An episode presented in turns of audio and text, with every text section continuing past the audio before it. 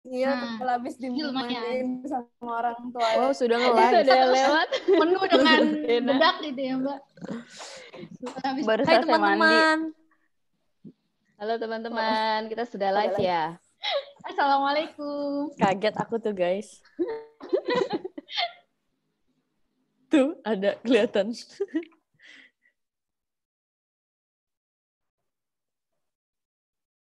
Oh si Sebi belum ada, ya Ada mbak? ada ada penampakan Belum. bapak-bapak. Bapak-bapak, Bapak-bapak gengs. kepalanya itu hilang. Bentar ya, kayaknya Aku nyari gini belum keluar, Mbak. mistis gimana? banget gitu loh. Bentar ya, aku ganti outer bentar. Hmm. Aku juga lagi mencari.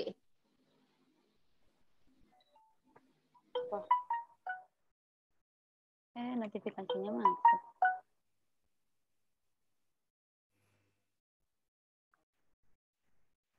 Oh, udah.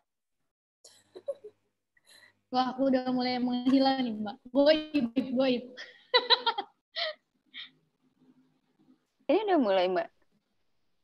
Sudah, sudah mulai. Assalamualaikum warahmatullahi wabarakatuh. Udah mulai. Kakak-kakak. Assalamualaikum warahmatullahi Waalaikumsalam. Eh, sudah mulai kita. Udah mulai. Mana tadi yang goib? Ini maaf ya. Ini maaf ya guys kalau tiba-tiba muka aku tuh tuh tuh tiba-tiba goib, tiba-tiba muncul. anak kecil kalau habis dimandiin sama ibunya itu loh, dibedakin seluruh muka itu.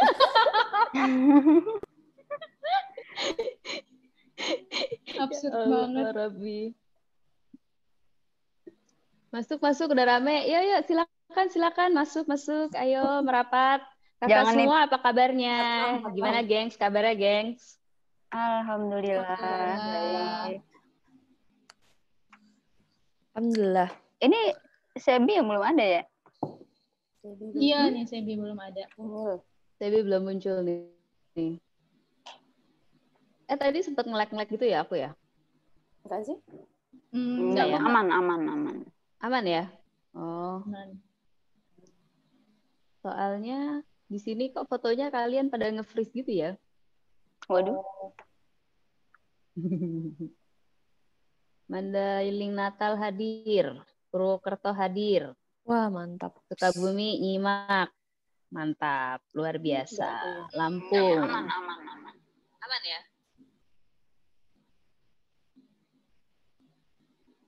Jadi gimana kabarnya teman-teman semuanya?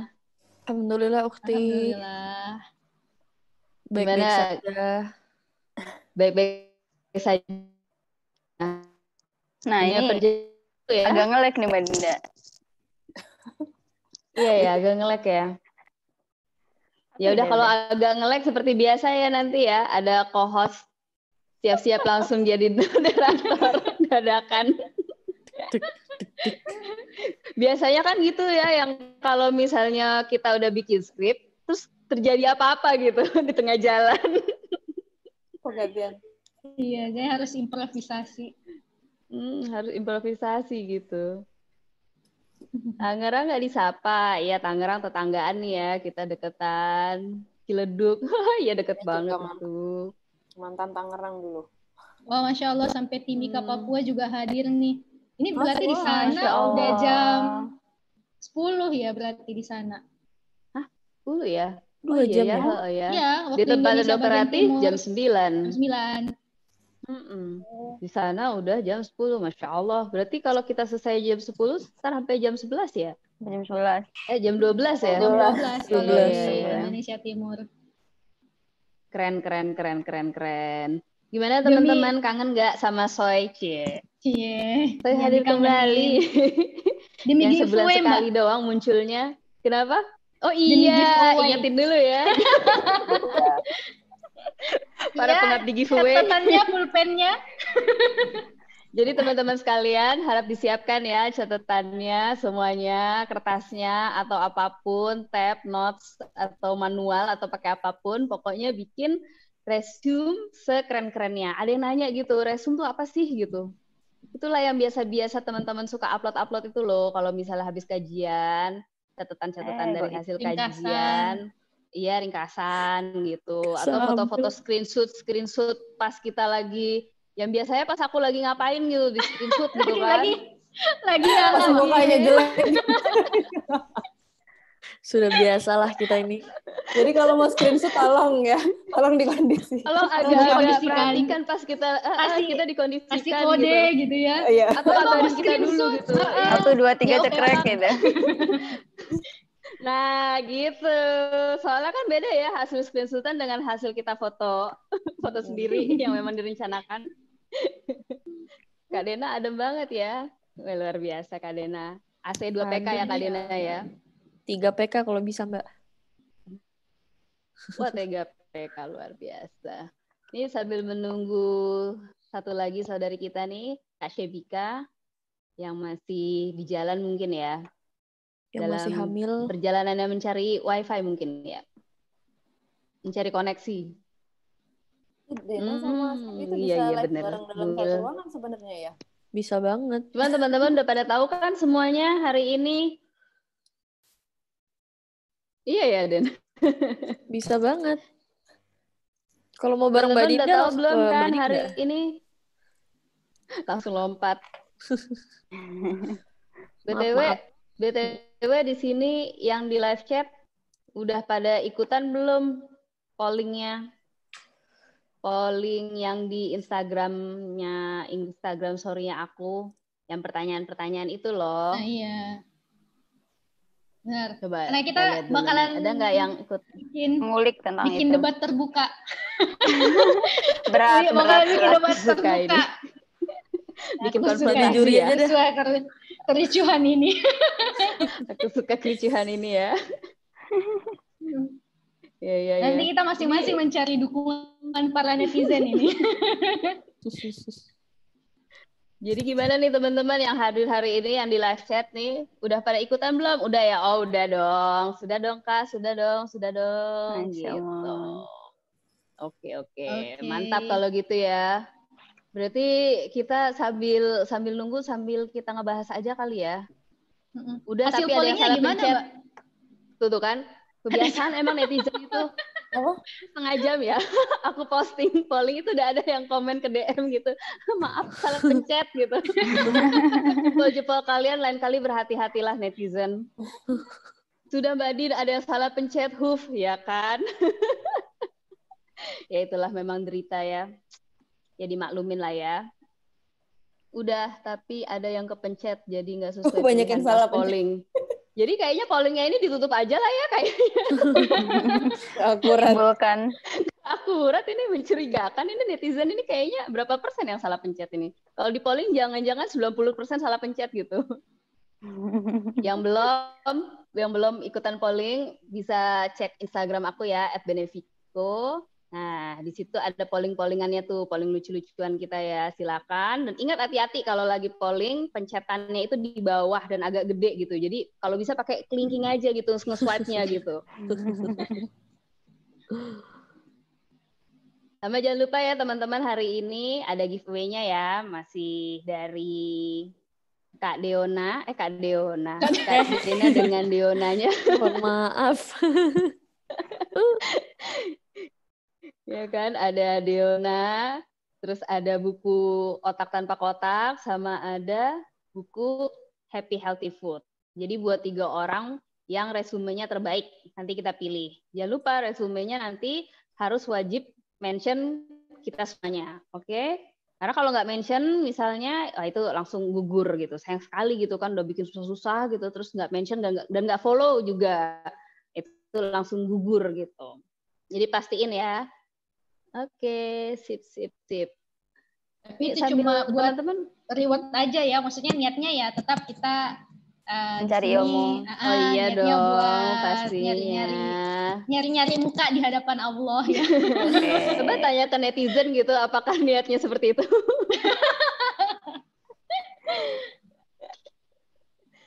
Aduh, masya Allah. Ya, ya, ya, ya. Mari, mari kalau Oh ini aku begitu. mau Deona. Nah, ya tapi nanti hadiahnya acak sih. Gimana dong? ya semangat. Semoga kamu beruntung berdoa ya. semoga dapat Deonanya. Mm-mm. Semoga dapat ya, semoga dapat. Wah, ada resellernya Ya, kalau- Deona itu. Nah, ya, Ayo reseller datang, ayo datang. ya kalau nggak dapat Deonanya bisa hubungi resellernya kan gitu. BTW, BTW, sebelum kita mulai nih, ada nggak yang mau cerita dulu nih? Kenapa sih akhirnya kita pilih temanya The World of the Woman dan dengan pertanyaan-pertanyaan lucu seperti itu? Yang lucu. Gimana, Mbak? Polling-polling lucu tadi Oh. buat netizen. Iya, iya. Iya, iya, iya, iya. Karena sebenarnya begini, Azik. perempuan itu, iya, iya, iya, iya. Filosofinya asik. Nggak ya, jadi Azik. perempuan itu adalah makhluk yang bisa dikatakan paling susah untuk dimengerti. Sampai ada meme ya Mbak, buku yang tebal banget, ya buku yang tebal banget dijadiin meme, terus di, di- ditulis di situ bahwa ini adalah buku judulnya Cara Memahami Wanita. Jadi karena yang namanya cewek tuh banyak banget maunya, banyak banget eh, ribet lah pokoknya ya. Kalau misalkan ditanyain, eh, kamu nggak kamu nggak nggak kenapa-napa kah? Jawabannya nggak apa-apa. Tapi sebenarnya ada apa-apanya. Kalau ditanya mau apa, jawabnya terserah. Tapi pasti ada maunya. Nah, jadi di sini yang kemudian kita mau kulik bahwa perempuan tuh sebenarnya sangat berwarna dan sangat susah untuk dimengerti ya. Itulah makna the word of the woman. Kurang lebih kayak gitu sih Mbak. Luar Mudah-mudahan biasa. teman-teman Sampai betul. besok dong ini, habis. Iya juga sih, tapi nggak kita nggak apa ya nggak seluas itu juga kali ya pembahasannya. Makanya dibuat polling-polling kayak gitu biar terfokus kali ya. Apa gitu Mbak? Soalnya bukan aku yang buat pollingnya. Ini polling tiba-tiba yang dibuat oleh Mbak Benefico sendiri. Seperti itu ya, kadang-kadang aku memang penuh dengan kejutan gitu ya. ya nggak apa-apa, biar biar terjadi perdebatan yang seru aja gitu. Apa cuman aku yang baca The Word of the Marriage? Ya, dia baca The Word Ya. of the Marriage. Ya, Bukan salah sayang, fokus ini kita lagi ngebahas The Word of the Woman. Iya mohon maaf kalau bahasnya the word of Saking the married ada yang ya. ada yang nggak kompatibel di sini. Langsung mendingan Ya, daripada of ditunjuk ngaku Woman. langsung gitu ya. Ah, benar, Mbak. Iya. Ya tadi seperti yang dokter Rati bilang gitu ya, wanita susah untuk dimengerti. Tapi emang seru sih. Karena tadi yang ngisi polling, ada nggak yang pas ngisi polling bingung? Bingung kenapa? Bingung karena kayaknya nggak mau jawab dua-duanya atau mau pilih dua-duanya justru. Iya iya iya. Nah. Benar benar benar. Iya. Karena mungkin pilihannya mirip-mirip ya, Mbak. Tapi kan sebenarnya kan itu bukan kayak benar atau salah kan kemarin Mbak Dina bilang ya. Jadi emang eh, Iya kita sih. pengen ini sih, pengen kayak apa namanya? Pengen Teman-teman aja. teman-teman mau yang mana sih kira-kira paling cocok yang mana gitu ya nggak sih? Pilihan Iya, yang benar, sulit. benar. Paling sesuai lah sama Mana yang teman-teman. mana yang paling bahagia?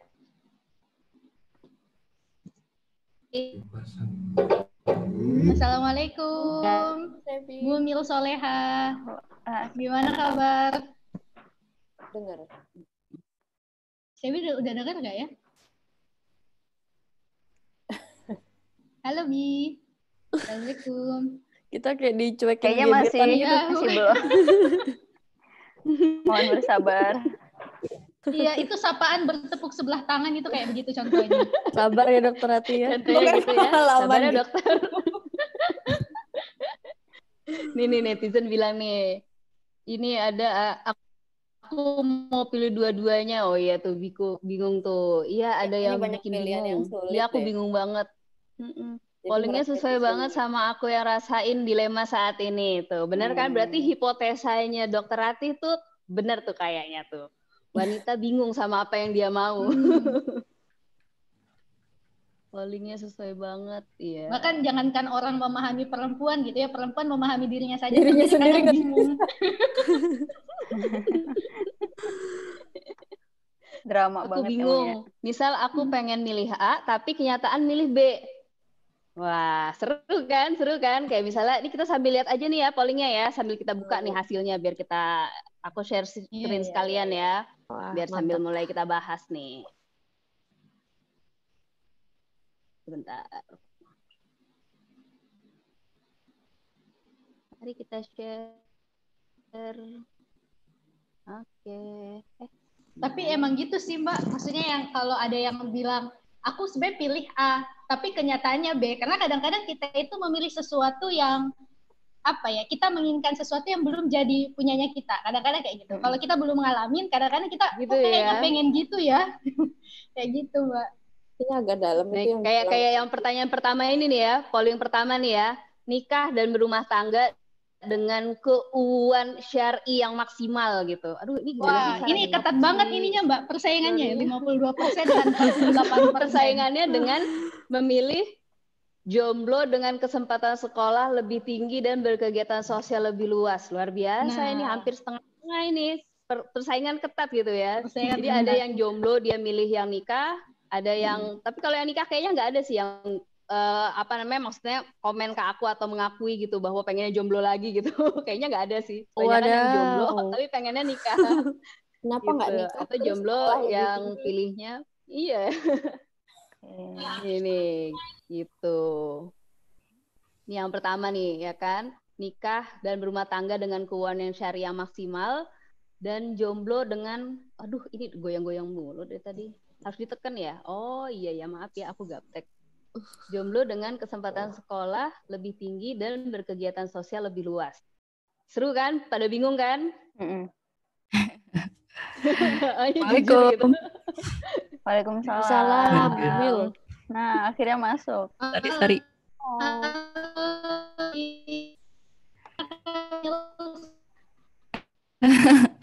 Malam, Mbak. Lanjut, lanjut, Mbak. Akhirnya lanjut lanjut nih ya, lanjut lanjut. Kalau begitu ini kan netizen tadi sudah memilih gitu. Nah, sekarang kita mau denger nih pembahasannya nih. Dari siapa dulu nih? Yang kehidupannya Siapa nih? Siapa nih? Yang jomblo dulu apa yang nikah dulu nih? Yang mau ngebahas? Yang jomblo duluan aja Jomblo kali kayaknya ya. lebih enak. Gimana teman-teman? kita lihat netizen Eh, dokter pilihannya hanya dua kita. Kang Tingtung atau Sweet dulu. Oh, Silakan dokter. Rati, dokter Rati nih yang yang hilang. yang jomblo Dokter tapi hilang. kemudian Dokter Rati hilang. kok hilang? Insecure dia. Bisa ya cari Nggak Bu aman. dokter, jangan dimasukin ke hati Bu dokter.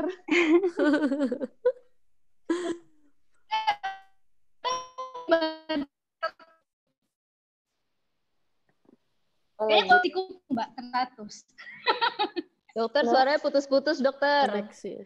oh masih putus-putus Koneksinya ya mbak kayaknya. Ah. Nah ini udah bagus sih, Iya, udah Mbak. bagus. Udah, udah. udah bagus udah bagus Mm-mm, mm-mm. Ya gimana Bu dokter, Bu dokter dulu deh, Bu Iya, dokter dulu Mbak. deh. Yang ini nih bagiannya yang jomblo dengan Ah. kesempatan sekolah lebih tinggi dan berkegiatan sosial lebih luas tuh. Iya, jadi Gimana menurut dokter? mulai ini Dengan lagi, pilihan itu stabil. dihadapkan dengan pilihan yang satunya lagi.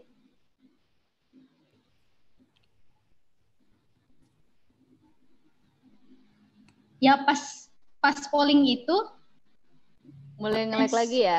Atau kita alihkan dulu deh ke yang nikah UU.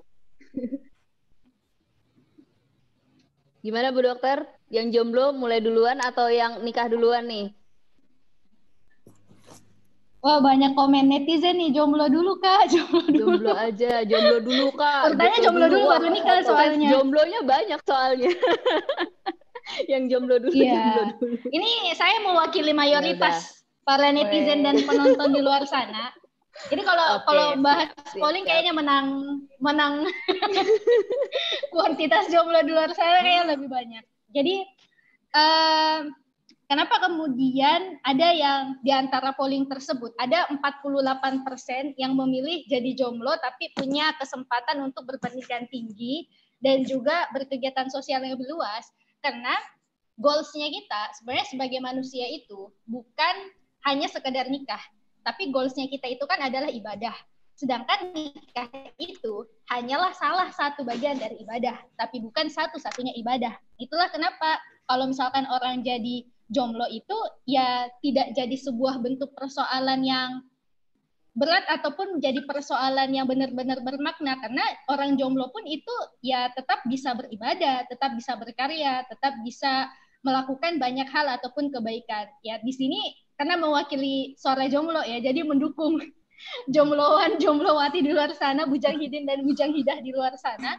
Nah uh, dan sebagai seorang jomblo itu kita masih punya banyak peluang kebaikan yang lain kok. Selain misalkan melakukan aktivitas nikah masih bisa berkarya bisa nulis buku bisa melakukan kebaikan nggak harus kita nunggu nikah dulu baru kemudian misalkan hijrah baru kemudian hijab syar'i baru kemudian yang melakukan kebaikan-kebaikan yang lainnya. Ya selama masih jomblo juga peluang untuk kita berbuat kebaikan lebih terbuka luas. Apatah lagi sebenarnya kalau kemudian orang itu sudah menikah, dia tidak bisa egois untuk menentukan misalkan visi ataupun cita-citanya sendiri. Tapi karena dia sudah terikat dengan orang lain, jadi yang ada cita-cita itu adalah cita-cita bersama, bukan lagi cita-cita pribadi kayak gitu. Nah, sehingga kadang ada orang menganggap bahwa oh kayaknya kalau nikah itu ada bentuk konsekuensi di mana ya kita tidak bisa sekedar independen dengan dirinya kita sendiri. Ada orang lain, ada pasangan hidupnya kita yang juga menjadi partner kehidupan yang harus kita pikirkan gitu. Bukan cuma kesenangan ataupun ya cita-cita pribadinya saja. Nah, eh, tetapi sebenarnya begini, entah orang itu jomblo ataupun nikah, sama-sama punya peluang kebaikan, pun sama-sama punya peluang dosa gitu. Karena orang itu selama dia masih jadi manusia, dia tetap punya nafsu. Kemudian dia sudah nikah ataupun dia masih jomblo gitu. Jadi peluangnya sama sebenarnya, sama-sama bisa berpahala, sama-sama juga bisa eh, sama-sama bisa berdosa gitu. Nah, dan kalau berbicara tentang masalah jomblo dan nikah nih Mbak ya, nggak selamanya persoalan masalah nikah itu merupakan bagian dari pilihan hidupnya kita. Kadang-kadang yang namanya pernikahan itu bersinggungan dengan persoalan kodoknya Allah juga dalam artian begini, ada orang yang punya target nikah, saya mau nikah usia sekian misalkan. Eh tapi ternyata kodoknya belum menikah di usia tersebut. Atau misalkan ada orang yang ternyata dia pengen uh, punya cita-cita nikah muda, eh tapi ternyata meninggalnya muda gitu ya, mati muda ternyata. Nah, kan kita nggak pernah tahu kita berjodohnya duluan itu dengan siapa. Apakah dengan si dia atau kita berjodohnya itu malah dengan malaikat kematian gitu. Tapi ya netizen di luar sana, mohon maaf kalau ngomongin masalah malaikat kematian jangan ngebayangin malaikat kematian kayak di drama Goblin ya yang ganteng tinggi putih dan seterusnya ya. Ngehalu lagi kan jadinya.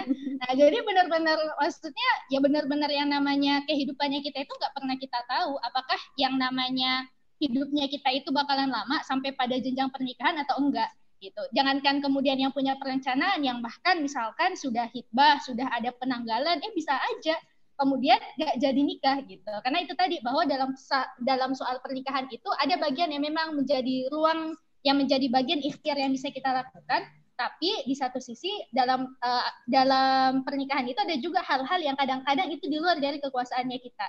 Gitu. Makanya kan banyak orang yang kadang-kadang bilang gini ya, Mbak, kok aku nggak nyangka ya dia itu jodohnya saya kok nggak pernah kepikiran bahwa dia itu jodohnya saya ya seperti itulah kadang-kadang persoalan masalah pernikahan itu nggak selamanya berbicara tentang masalah ya pilihan ataupun keinginannya kita gitu. Eh apalagi ya yang perlu disampaikan sebagai ininya. Nah, ya kalau sebagai... kemudian tadi di sebagai perwakilan jomblo. Nah, uh, kalau tadi di polling itu kan ada ada apa namanya ada diferensiasi antara nikah nikah dengan keromantisan ataupun keuuan yang syar'i maksimal dengan jomblo yang punya kesempatan berpendidikan dan juga uh, apa namanya dan juga berkegiatan sosial yang luas. Nah, kadang-kadang kalau berbicara tentang masalah pernikahan, kenapa sih banyak misalkan pollingnya tadi lebih banyak yang milih nikah dengan keuangan yang syar'i maksimal gitu ya 52 persen. Padahal sebenarnya yang milih itu saya yakin kebanyakan pasti jomblo gitu ya.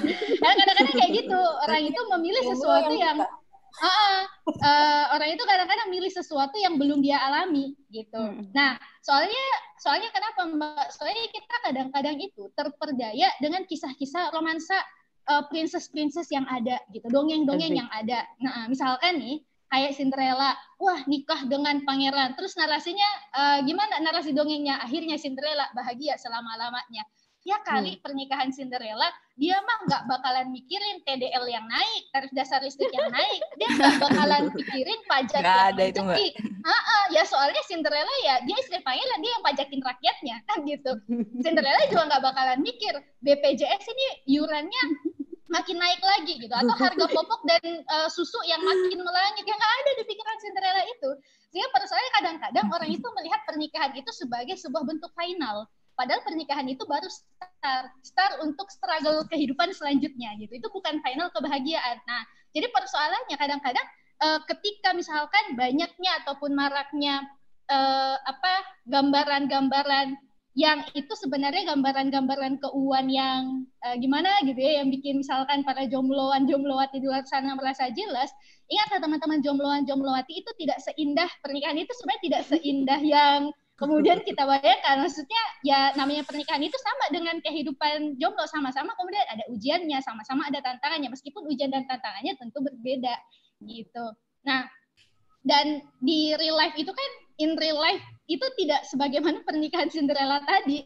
Jadi ya kita harusnya punya pemikiran bahwa ya nikah itu bukan cuma sekedar keuannya saja gitu. Makanya yang dibutuhkan itu bukan sekedar provokasi tapi edukasi. Bukan sekedar ya sudah bagaimana kemudian kita berusaha buat nikah. Terus kalau setelah nikah itu mau apa? Mau bagaimana? Ya, jadi kalau misalkan kita berbicara tentang masalah nikah atau jomblo sama-sama sebenarnya punya kemuliaannya masing-masing, tapi gini, kita sebagai jomblo, ya kalaupun misalkan punya keinginan pernikahan, it's okay. Itu kan apalagi kalau niatnya ibadah kan nggak jadi masalah, bagus malah luar biasa.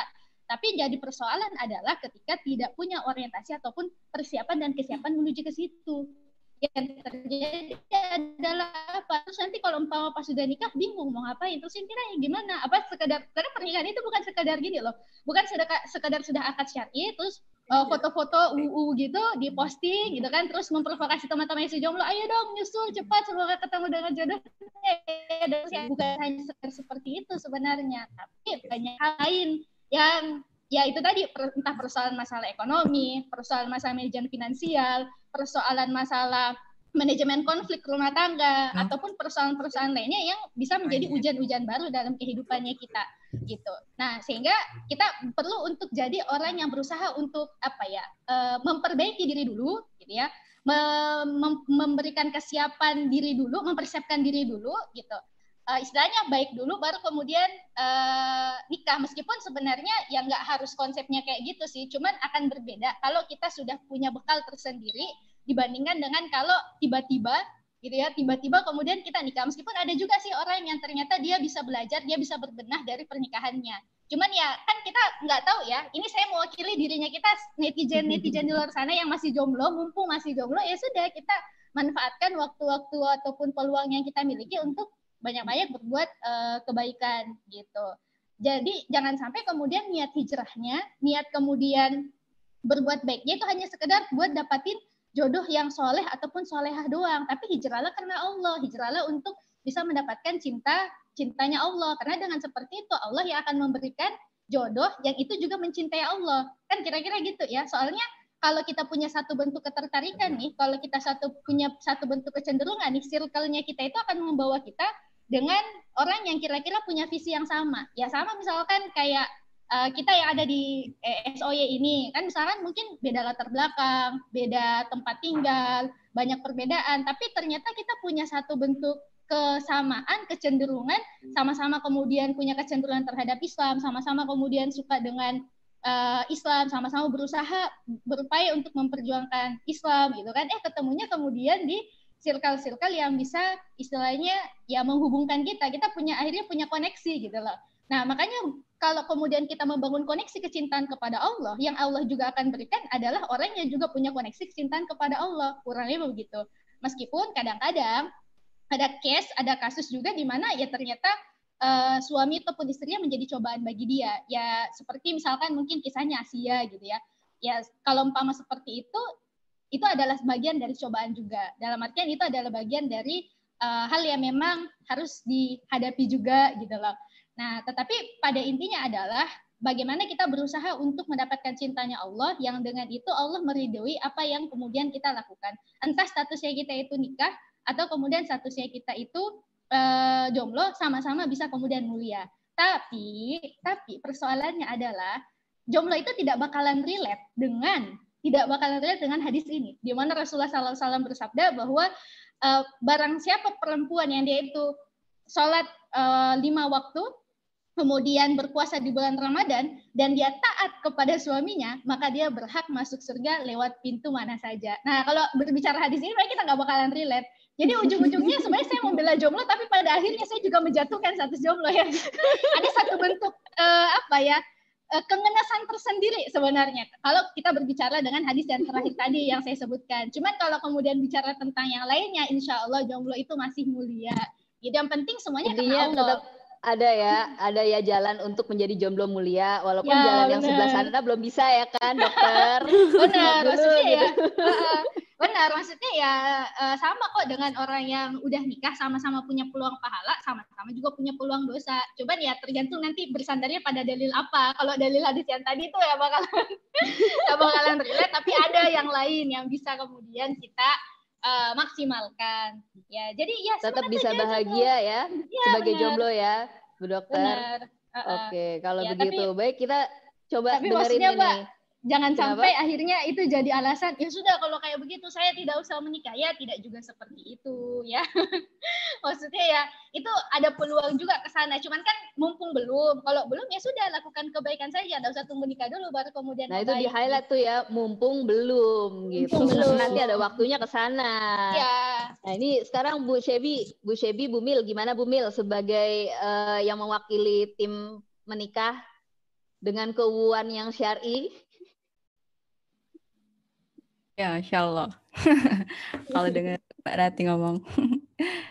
dengan keuangan syari. Sebenarnya kalau saya ngomongin nikah, kadang kita pas lagi jomblo tuh lihat apa ya, ada rangsangan dari Instagram lah, dari TV, dari tontonan yang kita dapat. Akhirnya kita nggak sadar pengen, ih pengen pengen cepet-cepet nikah gitu kan. Ada masalah dikit pengen nikah. Padahal ternyata nikah tuh nggak segampang itu loh gitu kan. Kita ngerasa udah siap gitu kan kayaknya aku udah siap deh persiapan udah aku punya ilmu udah aku punya gitu kan. Tapi pas ternyata terjun itu nggak semudah yang dibayangkan gitu loh. Apalagi kan ada yang namanya transisi gitu kan ya mbak peralihan. Yang namanya peralihan itu kan ya ya nggak semudah yang dibayangkan juga sih kalau menurut aku gitu kan. Saat kita jomblo kita bisa melakukan hal semuanya sendiri gitu kan. Kita nggak harus uh, minta izin misalnya terus kita juga bisa bebas ke mana aja. Tapi pas udah menikah ada hal-hal yang harus kita batasi gitu kan. Terus juga um, kalau misalnya mau ke mana-mana harus izin ataupun misalnya kita punya masalah kita nggak boleh nih dipendam sendiri misalnya. Kenapa? Karena kan kita udah ada pasangan kita harus berbagi gitu segala segala hal kita harus berbagi kayak gitu.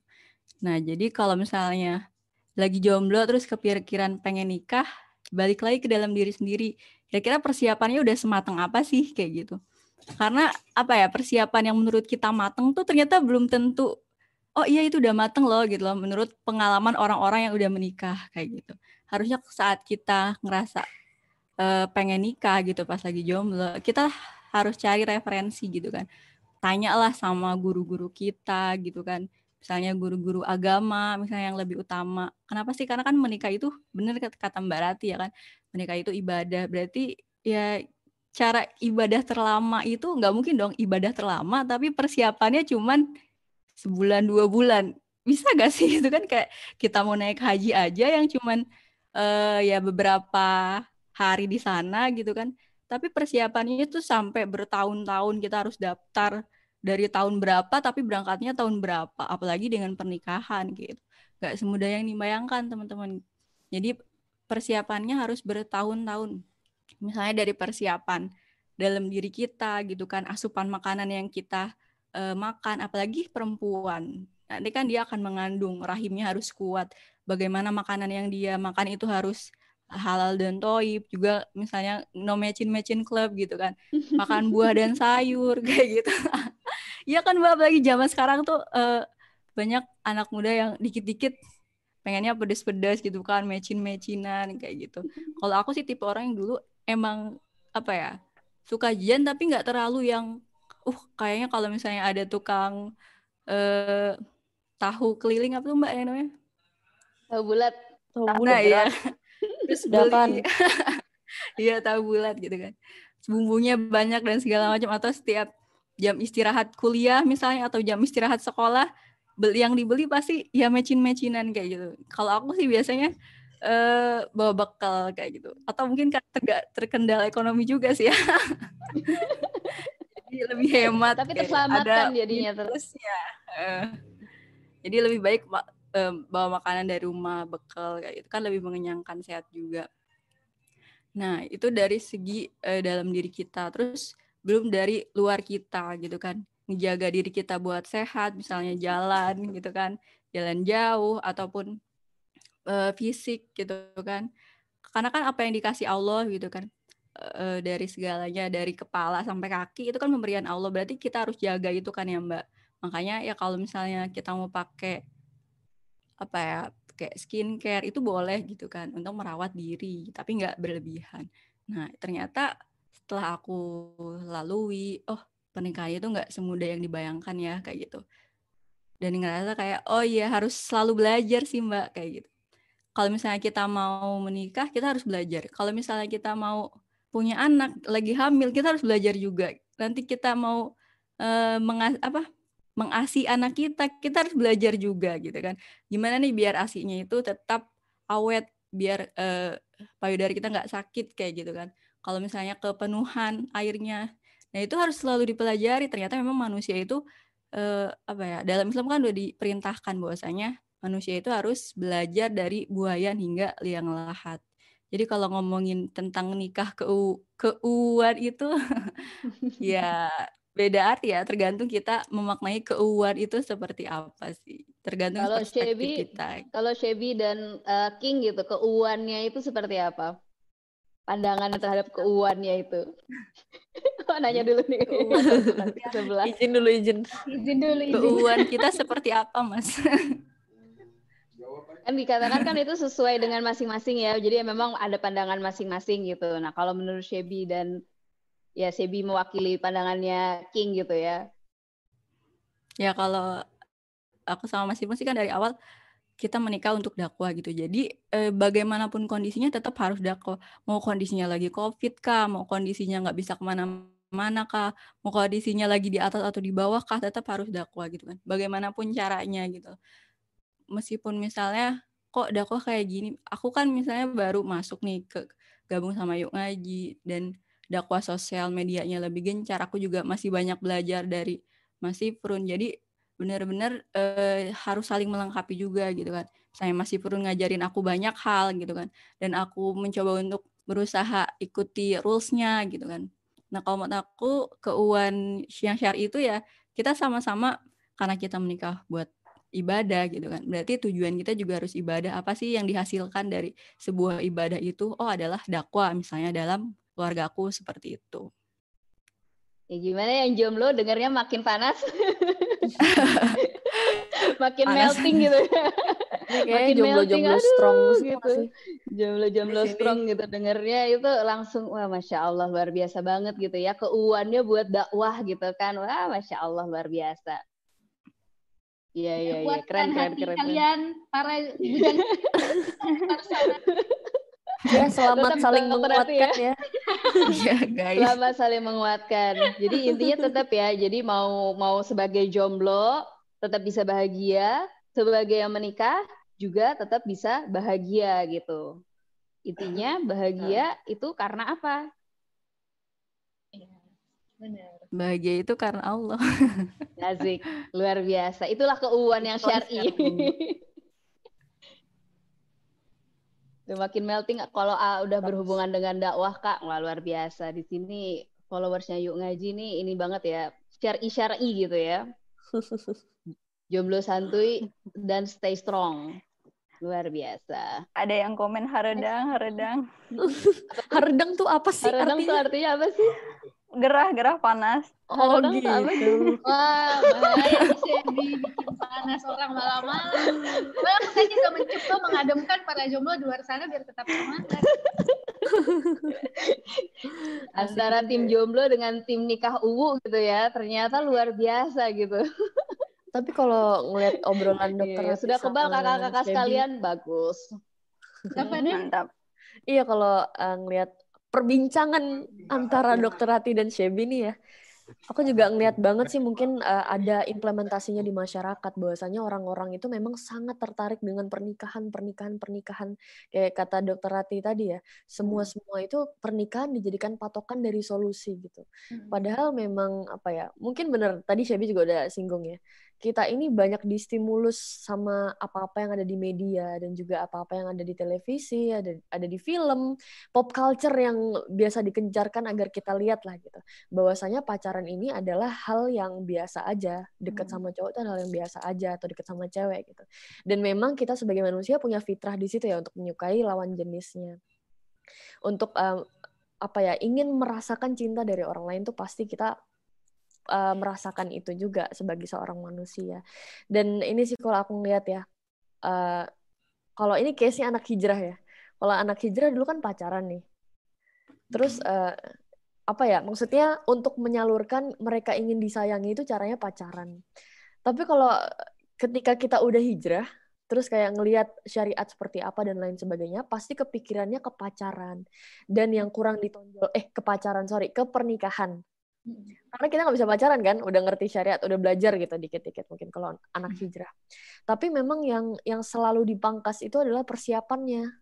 Bener tadi kata temen-temen jadi kalau kalau pengalihan anak hijrah tuh gitu mungkin alurnya dari yang pacaran terus belajar Islam oh tahu nih di Islam ternyata nggak boleh pacaran.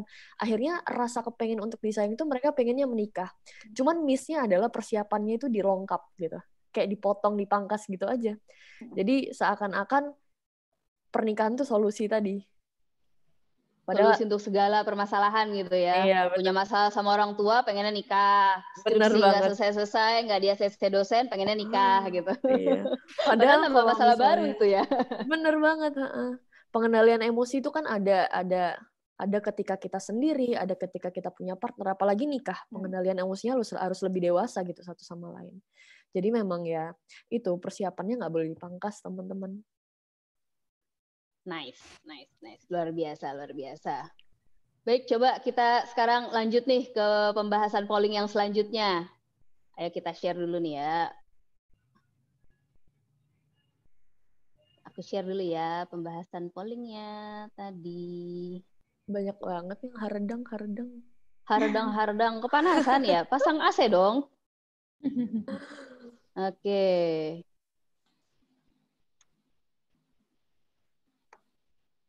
Nah, yang ini nih.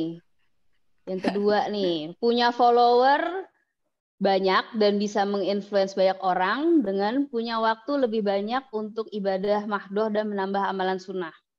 Tuh, yang jawab itu follow punya follower tuh cuma 18 persen. Sementara sisanya 82 persennya pengen punya waktu ibadah lebih banyak. Wah luar biasa ini. Followerku kayaknya nggak pengen punya follower kayaknya ya. Soleha-soleha semua nih. Iya. Soleh-soleh semua gitu. Kayaknya mendingan kalau gitu kita nggak usah main Instagram, nggak usah main sosmed aja ya. Kita ibadah semuanya aja yuk.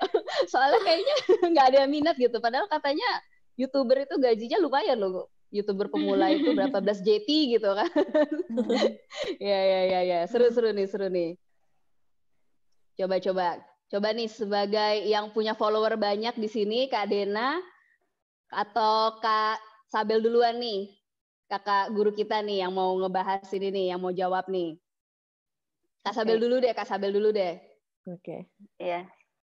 Jadi tadi eh, menarik sih ya. Banyak kan yang mau tertarik untuk ibadah gitu. Berarti hmm, kalau saya ngelihat, kalau aku ngelihat dari garis besarnya nih, berarti orang atau kebanyakan yang milih tadi itu sudah paham eh, orientasi hidupnya atau misi hidupnya itu memang untuk beribadah. Itu benar, itu top banget.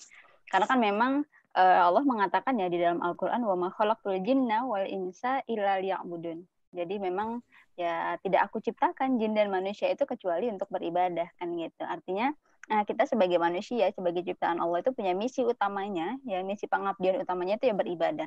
Nah, ibadah di sini sebenarnya eh, kalau dimaknai itu nggak cuma kalau tadi kan pilihannya ibadah mahdoh memperbanyak amalan sunnah, ternyata nggak cuma itu aja. Gitu. Jadi eh, kalau lebih luas lagi gitu ya kita bicara ibadah itu kan sebenarnya eh, segala aktivitas kita apa pun itu yang itu uh, selama dilakukan dengan mengharap ridho Allah gitu ya caranya juga benar sesuai dengan syariat yang diaturkan nah itu insya Allah akan bernilai ibadah Nah, kayak teman-teman yang misalnya sekarang lagi nongkrongin YouTube-nya yuk ngaji, jangan dikira itu bukan ibadah, ini ibadah. Luar biasa. Gitu. Bahkan kalau dalam suatu riwayat itu ya kan uh, ada ya ketika apa namanya uh, seseorang itu berada dalam suatu majelis ilmu, nah itu kan malaikat akan menaungi dia gitu ya dengan mendoakan gitu sampai nanti dia keluar dari majelis ilmu tadi. Nah, makanya uh, kita pun hadir di sini gitu kan kita niatkan seperti itu, kita hadir ke majelis ilmu gitu ya. Terus menuntut ilmu ya meskipun bahasannya kita ketawa-tawa tapi kan insya Allah itu ilmu juga isinya gitu kan. Artinya tadi kalau aku melihat sih lebih kepada uh, apa namanya pemaknaan hidup orientasi untuk ibadah itu benar banget. Nah cuma ya soal apakah uh, lebih baik mana tadi itu mendingan punya followers banyak menginfluence orang lain atau fokus ibadah aja. Nah ini kalau aku rasa dua-duanya harus balance gitu kan ya mbak. Jadi eh, karena tadi kita bicara konteks ibadah itu nggak cuma ibadah mahdoh aja gitu ya. Artinya ibadah yang hanya urusan kita sama Allah ya. Tapi juga ibadah juga berkaitan dengan segala aspek aktivitas apa pun yang itu semua diniatkan karena Allah ya untuk meraih ridho Allah. Maka eh, kita sharing kebaikan kepada yang lain itu juga bagian dari ibadah. Insya Allah kan gitu. Makanya eh, apa ya jadi kita mestinya nggak cuma fokus ke apa tadi ibadah yang itu hanya berdampak untuk diri kita aja gitu. Memang cara realita kita ngerasa kayaknya bakal uh, keren, eh, bakal apa ya, menabung banyak bekalan buat diri kita itu apa namanya priceless banget gitu kan. Maksudnya apa namanya sesuatu yang berharga banget lah intinya gitu. Tapi sebenarnya ya teman-teman, uh, saya sering banget dinasehatin maksudnya kan gini kita tuh sebenarnya sebanyak apa pun ibadah yang kita lakukan ibadah mahdoh ataupun ibadah nafilah tadi ya apa pun itu kita sebenarnya nggak bisa menjamin juga gitu loh. Apakah semua ibadah tadi itu sebenarnya sudah diterima sama Allah? Apakah berat itu? Uh, jadi maksudnya kita sendiri sebanyak apa pun bukan bukan suuzon atau istilahnya kayak uh, udah hopeless di awal gitu ya enggak maksudnya kita coba apa ya berpikir realistis gitu maksudnya gini Rasulullah aja gitu ya yang sudah dijamin maksum gitu ya yang sudah dijaminkan tanpa dosa itu masih uh, sholat malamnya itu kan begitu apa ya uh, segetol itulah bahasanya kan gitu sampai kakinya bengkak segala macam sampai istrinya itu bingung gitu kan mau ngapain lagi? gitu loh di apa yang dicari lagi? Orang dosanya udah dijamin kan? Eh maksudnya udah diampunkan kemudian surga sudah dijaminkan gitu kan ya. Nah tapi itu menunjukkan bahwasanya ternyata nggak cukup gitu ya hanya dengan ibadah ini saja makanya kita mesti cari wasilah lain ya untuk e, ibaratnya menambah pundi-pundi kantong amal ibadah kita. Nah, salah satunya dengan menginfluence orang lain tadi aku rasa gitu. Yang kalau dikatakan itu ya selama kita mengajak orang lain dalam kebaikan dan orang lain itu ikut serta dengan kebaikan yang kita apa namanya berikan tadi itu, kita juga bakalan dapat kecipratan pahalanya. Jadi kayak MLM gitu kali ya, semakin banyak ngajak-ngajak-ngajak terus kita ngalir juga nih pahalanya ke kita kan, masya Allah gitu. Luar biasa ya. Jadi bahagia kalau kita bisa ibadah sebanyak-banyaknya, punya waktu luang yang sebanyak-banyaknya, hmm. mengerjakan amal-amal sunnah, tapi nggak hmm. boleh berhenti sampai situ aja ya Kak Sabel ya, karena ternyata Benar. kalau itu cuman efeknya ibadah itu cuman ke diri kita doang, nggak berdampak ke sosial, nah itu bisa jadi sesuatu yang uh, membuat dipertanyakan ya kebermanfaatan kita sebagai Betul. manusia, sebagai umat gitu kan. Nah, keren keren keren ya. Silakan Kak Dena. Udah dijawab nih kayaknya nih. Sebagai yang punya follower banyak, mungkin ada tips-tips gimana caranya? enggak, enggak. Enggak sih, kalau dari aku gini ya. Uh, tadi kata Kak Sabil aku setuju banget. Bahwasanya hmm. kalau misalnya teman-teman memang memilih untuk menjalankan, uh, untuk beramal gitu, uh, mengorientasikan hidupnya untuk beramal ke Allah, itu bagus banget. Dan itu mengartikan bahwasanya mereka sudah memahami visi dari kehidupannya gitu. Cuman di sini kalau uh, aku ngasih sudut pandangku ya, kalau dari aku sendiri hanya karena kita memberikan output ke masyarakat bukan berarti kita tidak memberikan input kepada diri sendiri gitu. Betul. Jadi memang apa ya, semua ini harus balance sih. Gimana caranya kita bisa menginfluence orang, gimana caranya bisa mendakwahkan sesuatu kalau kita sendiri nggak belajar dan kita nggak menaatkan diri gitu. Jadi memang uh, ketika orang memberi influence ke orang lain itu tidak serta merta mereka menutup jalan input mereka untuk ber, beribadah atau uh, menambah ilmu gitu sih mbak jadi memang semua itu harus balance karena ada input ada output nggak mungkin output hmm. doang inputnya dari mana gitu kan ya, terus ya, juga keren, keren. Uh, uh, terus juga kalau misalnya kalau misalnya kita apa ya? Jadi kalau kalau menurutku ini followers adalah amanah sih mbak. Dan ini Hmm, bukan hmm. sesuatu yang aku minta. Jadi emang aku nggak pernah minta untuk followers beli juga enggak, ngapain juga kan? Kirain mau ngasih tips beli follower di mana yang murah dan dan asli dan aktif gitu. Astagfirullah. Enggak, enggak. Jadi emang aku nggak pernah berharap untuk punya gitu. Tiba-tiba orang follow aja. Ya udah, gimana? Abang kelihatan. ya dia muncul loh kayak ini, kayak dekorasi. Kayak dekorasi ya. Sampai mana tadi? Lupa kan? Nggak minta follower. Oh iya, nggak minta followers. Jadi aku anggap ini sebagai amanah. Berarti memang eh, karena gerak-geriknya terlihat oleh orang lain, berarti memang harus mempertimbangkan apa-apa yang di-share gitu. Nah dari situ mungkin jadi jadi apa ya? Jadi janji kepada diri sendiri sih. Kalau bisa sebisa mungkin usahakan untuk apa-apa itu memang diranahkan untuk dakwah gitu. Diranahkan untuk eh, nge-share nilai kebaikan. Kalaupun mungkin ada sebagian teman-teman yang lihat kok kayaknya nggak ada manfaatnya nih yang di post itu tenang saja itu di balik itu ada apa ya ada orientasi ke sana sebenarnya Luar Karena biasa. mungkin- Terselubung ya. ya iya mungkin karena cara dakwah itu beda-beda ya mbak ya terus eh, apa segmentasi dakwah itu beda-beda. Jadi ya kita nggak bisa pakai cara yang gitu-gitu aja. Karena semak, sem- kan aku tinggalnya di apa ya lingkungan yang heterogen gitu istilahnya. Jadi memang hal-hal yang terlihat tidak penting itu sebenarnya ranahnya ada ke sananya sih gitu dan problemnya nih problem utama dari teman-teman kenapa nggak mau uh, nge-share sesuatu hal yang positif ke Instagram atau lain sebagainya itu pertama karena takut teriak biasanya kayak gitu Hmm, iya, padahal itu kalau aku baca heeh, bener ya padahal aku kalau aku pernah baca di postingan Mbak Bene deh takut Iya ya. takut teriak itu riak ya bener nggak Iya. Iya benar. Iya. eh, takut jadi riak takut beramal karena ria, tak, karena Heeh. takut ria itu sebenarnya adalah Ria ria itu sendiri gitu. nah Karena kita sudah dia. beram, kita, karena kita sudah beramal bukan beramal, kita sudah tidak jadi beramal karena manusia. Hmm. Jadi kan Ah, beramal berarti- atau tidak beramal karena manusia yaitu ria. Oke oke, berarti orientasinya memang nggak boleh mengedepankan pandangan manusia ya mbak ya? Jadi kayak bodo amat lo mau ngomong apa, memang tujuan gue ke sini, gue punya niat istilahnya gitu kan, Niatnya dilurusin. niatnya Itu dilurusin tadi. dan Heeh. dan itu sih mungkin kita jadi bingung ya batasannya gimana nih, kok gue takut ria malah jadi ria? Gimana? Lain sebagainya. Mungkin itu tadi kita harus ngelurusin niat sih dan minta bimbingan dari orang-orang sekitar yang mungkin sudah mengerti eh, apa namanya medan dakwah itu seperti apa, yang sudah lebih dulu eh, apa ya ya paham lah mungkin dicaci maki orangnya seperti apa, mungkin seperti apa.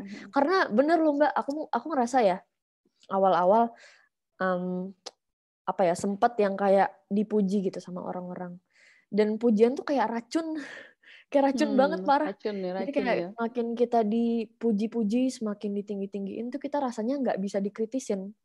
Jadi orang Hmm. kritisin itu tuh kita nggak terima dan mental. Dan itu suatu, suatu hal yang ya Allah, semoga aku terjauh dari itu. Makanya ketika ada yang muji tuh kayak, udahlah lu ngomongnya nggak usah di komen bisa nggak sih?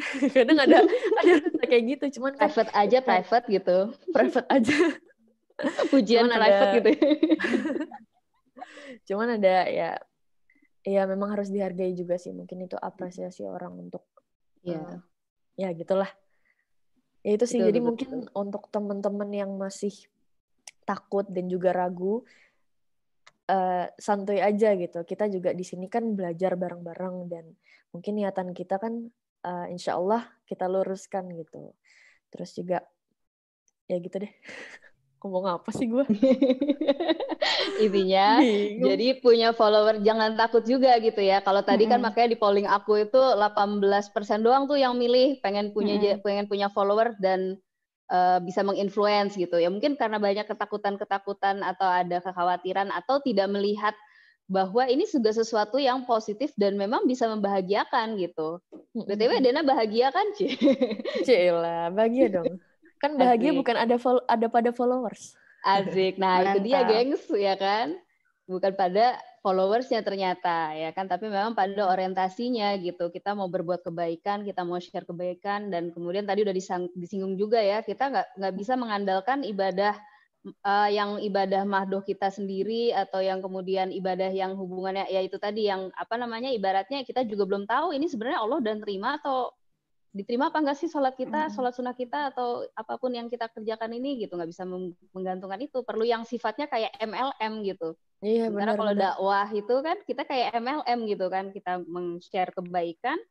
Orang tersebut kemudian mengerjakan kebaikan yang kita share tersebut. Orang tersebut dapat pahala kita pun juga kebanjiran pahala gitu kan. Pahala Hmm, jariah gitu. Jariah ya. kayak MLM gitu. Nah itu kan yang justru menolong kita. Dan itu memang luar biasanya uh, dakwah itu ya karena memang cuma umat Nabi Muhammad sih yang diperintahkan untuk berdakwah Itu dia. bandingin Soalnya sama tuh- umat nabi-nabi yang sebelumnya. Kapasitas umur kita tuh nggak sepanjang umat-umat Nabi sebelumnya. ya. Kita cuma Iya, 60 betul. tahun. Dan 60 kayaknya investasi kan. salah satu investasi terbaik tuh untuk beram- beramal jariah gitu, untuk Mm. ngajak teman-teman Nah, untuk itu tadi makanya kan luar biasa banget. Terus menggandakan Iya, iya, iya. pahala berarti. Betul, harus bisa Menggandakan, iya. pahala, bukan menggandakan uang saja ya Bu Shebi ya. Tapi ada sih Mbak yang mungkin ini ya, kita tinggal di uh, society yang memang menempatkan popularitas, ke- kekayaan, terus kecantikan dan lain sebagainya itu sebagai uh, top priority dari kehidupan gitu. Nah, makanya dianggap uh, ke- apa namanya? Famous orang yang famous tuh punya punya privilege Hmm. sendiri gitu. Nah, ha, ha, Dan itu ha, ha. dan itu bisa jadi nggak bijak ketika kita mil- memiliki followers yang banyak juga. Kalau misalnya kita Hmm. menempatkan followers sebagai ya gue jadi punya privilege gitu, gue jadi dipandang lebih sama Hmm. orang lain. Nah itu akan menjadi Hmm. nggak bijak kalau misalnya kita menempatkan view-nya ke situ. Padahal kalau misalnya kita men- menempatkannya ke oh berarti gue bisa beramal lebih itu akan lebih baik sih sebenarnya.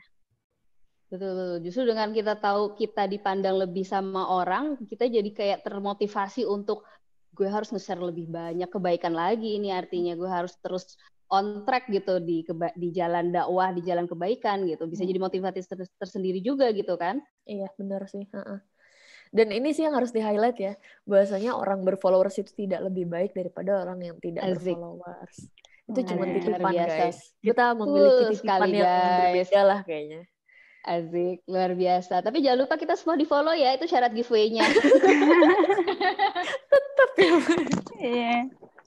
Kadang aku jadi keinget tadi kalau kata Dena, akhirnya kadang ada orang yang mungkin nggak pede gitu ya untuk memulai katakanlah followers gue kan masih dikit gitu kan dari awal tuh udah uh, mindsetnya gitu. Jadi kayaknya kalau nge-share juga paling uh, apa namanya exposure-nya nggak banyak gitu kan apa namanya uh, respon dari orang-orang nggak seperti orang-orang berfollower banyak. Tapi sebenarnya kalau kita lakukan karena Allah gitu, maksudnya kita istiqomah, coba memulai step by step, insya Allah kan nanti akan bermanfaat juga. Soal nanti banyak yang share atau enggak itu kan nanti soal lain. Yang penting kita sudah niatnya kan berbagi. Siapa tahu teman-teman dekat kita kan juga akan tersentuh dari apa yang kita share tadi itu. Iya iya. Dan teman-teman bentuknya. Ah, kita semua kan di sini juga pasti mulai dari titik itu tadi. Artinya nggak langsung ujuk-ujuk jebret tiba-tiba berapa ratus follower. Iya. Langsung 3 juta follower itu beli semua gitu. kan enggak dong, Aktif dimulai dari loh. nol Iya. dulu. Iya beli iya. akun kayaknya itu sih. Jadi memang bukan cuman banyaknya respon sih. Gimana Bu Iya, Dokter? Heeh, benar. Cuman bagaimanapun kalau kita ngelihat eh, dakwah di zaman digital seperti sekarang ini, yang namanya follower itu eh, memang bukan persoalan dan bukan bukan standar kemuliaan ataupun standar kebaikan dakwah ya, tetapi yang namanya follower juga itu adalah sesuatu yang penting. Karena kenapa follower itu kan ceritanya adalah ya kalau bahasanya Dena tadi adalah amanah. Mereka adalah audiens. Artinya dengan eh, kuantitas yang banyak eh, exposure dakwah itu akan bisa lebih luas. Artinya eh, itu memang dia bukan faktor yang utama, tetapi dia adalah sesuatu yang penting juga untuk diperhatikan. Bagaimana eh, agar follower-follower yang kita miliki eh, bisa punya bisa menjadi satu kesempatan eh, untuk kita saling berbagi kebaikan bersama mereka dan bisa kita juga belajar dari uh, kalangan netizen-netizen yang ada. Karena aku pun juga kadang banyak belajar dari komentar-komentar yang ada. Oh kayak gini ya sekarang iya, ya cara benar, benar, benar. berpikirnya netizen-netizen yang ada dan seterusnya. Nah, uh, dan benar sih Bu Dokter, Assalamualaikum. Oh, sedang ganti profile. nah ini. Silakan. Udah. Kembali lagi Bu Dokter. Ya, maaf ya Mbak. ini koneksiku nggak tahu ya kenapa. Jadi bajak atau gimana ini.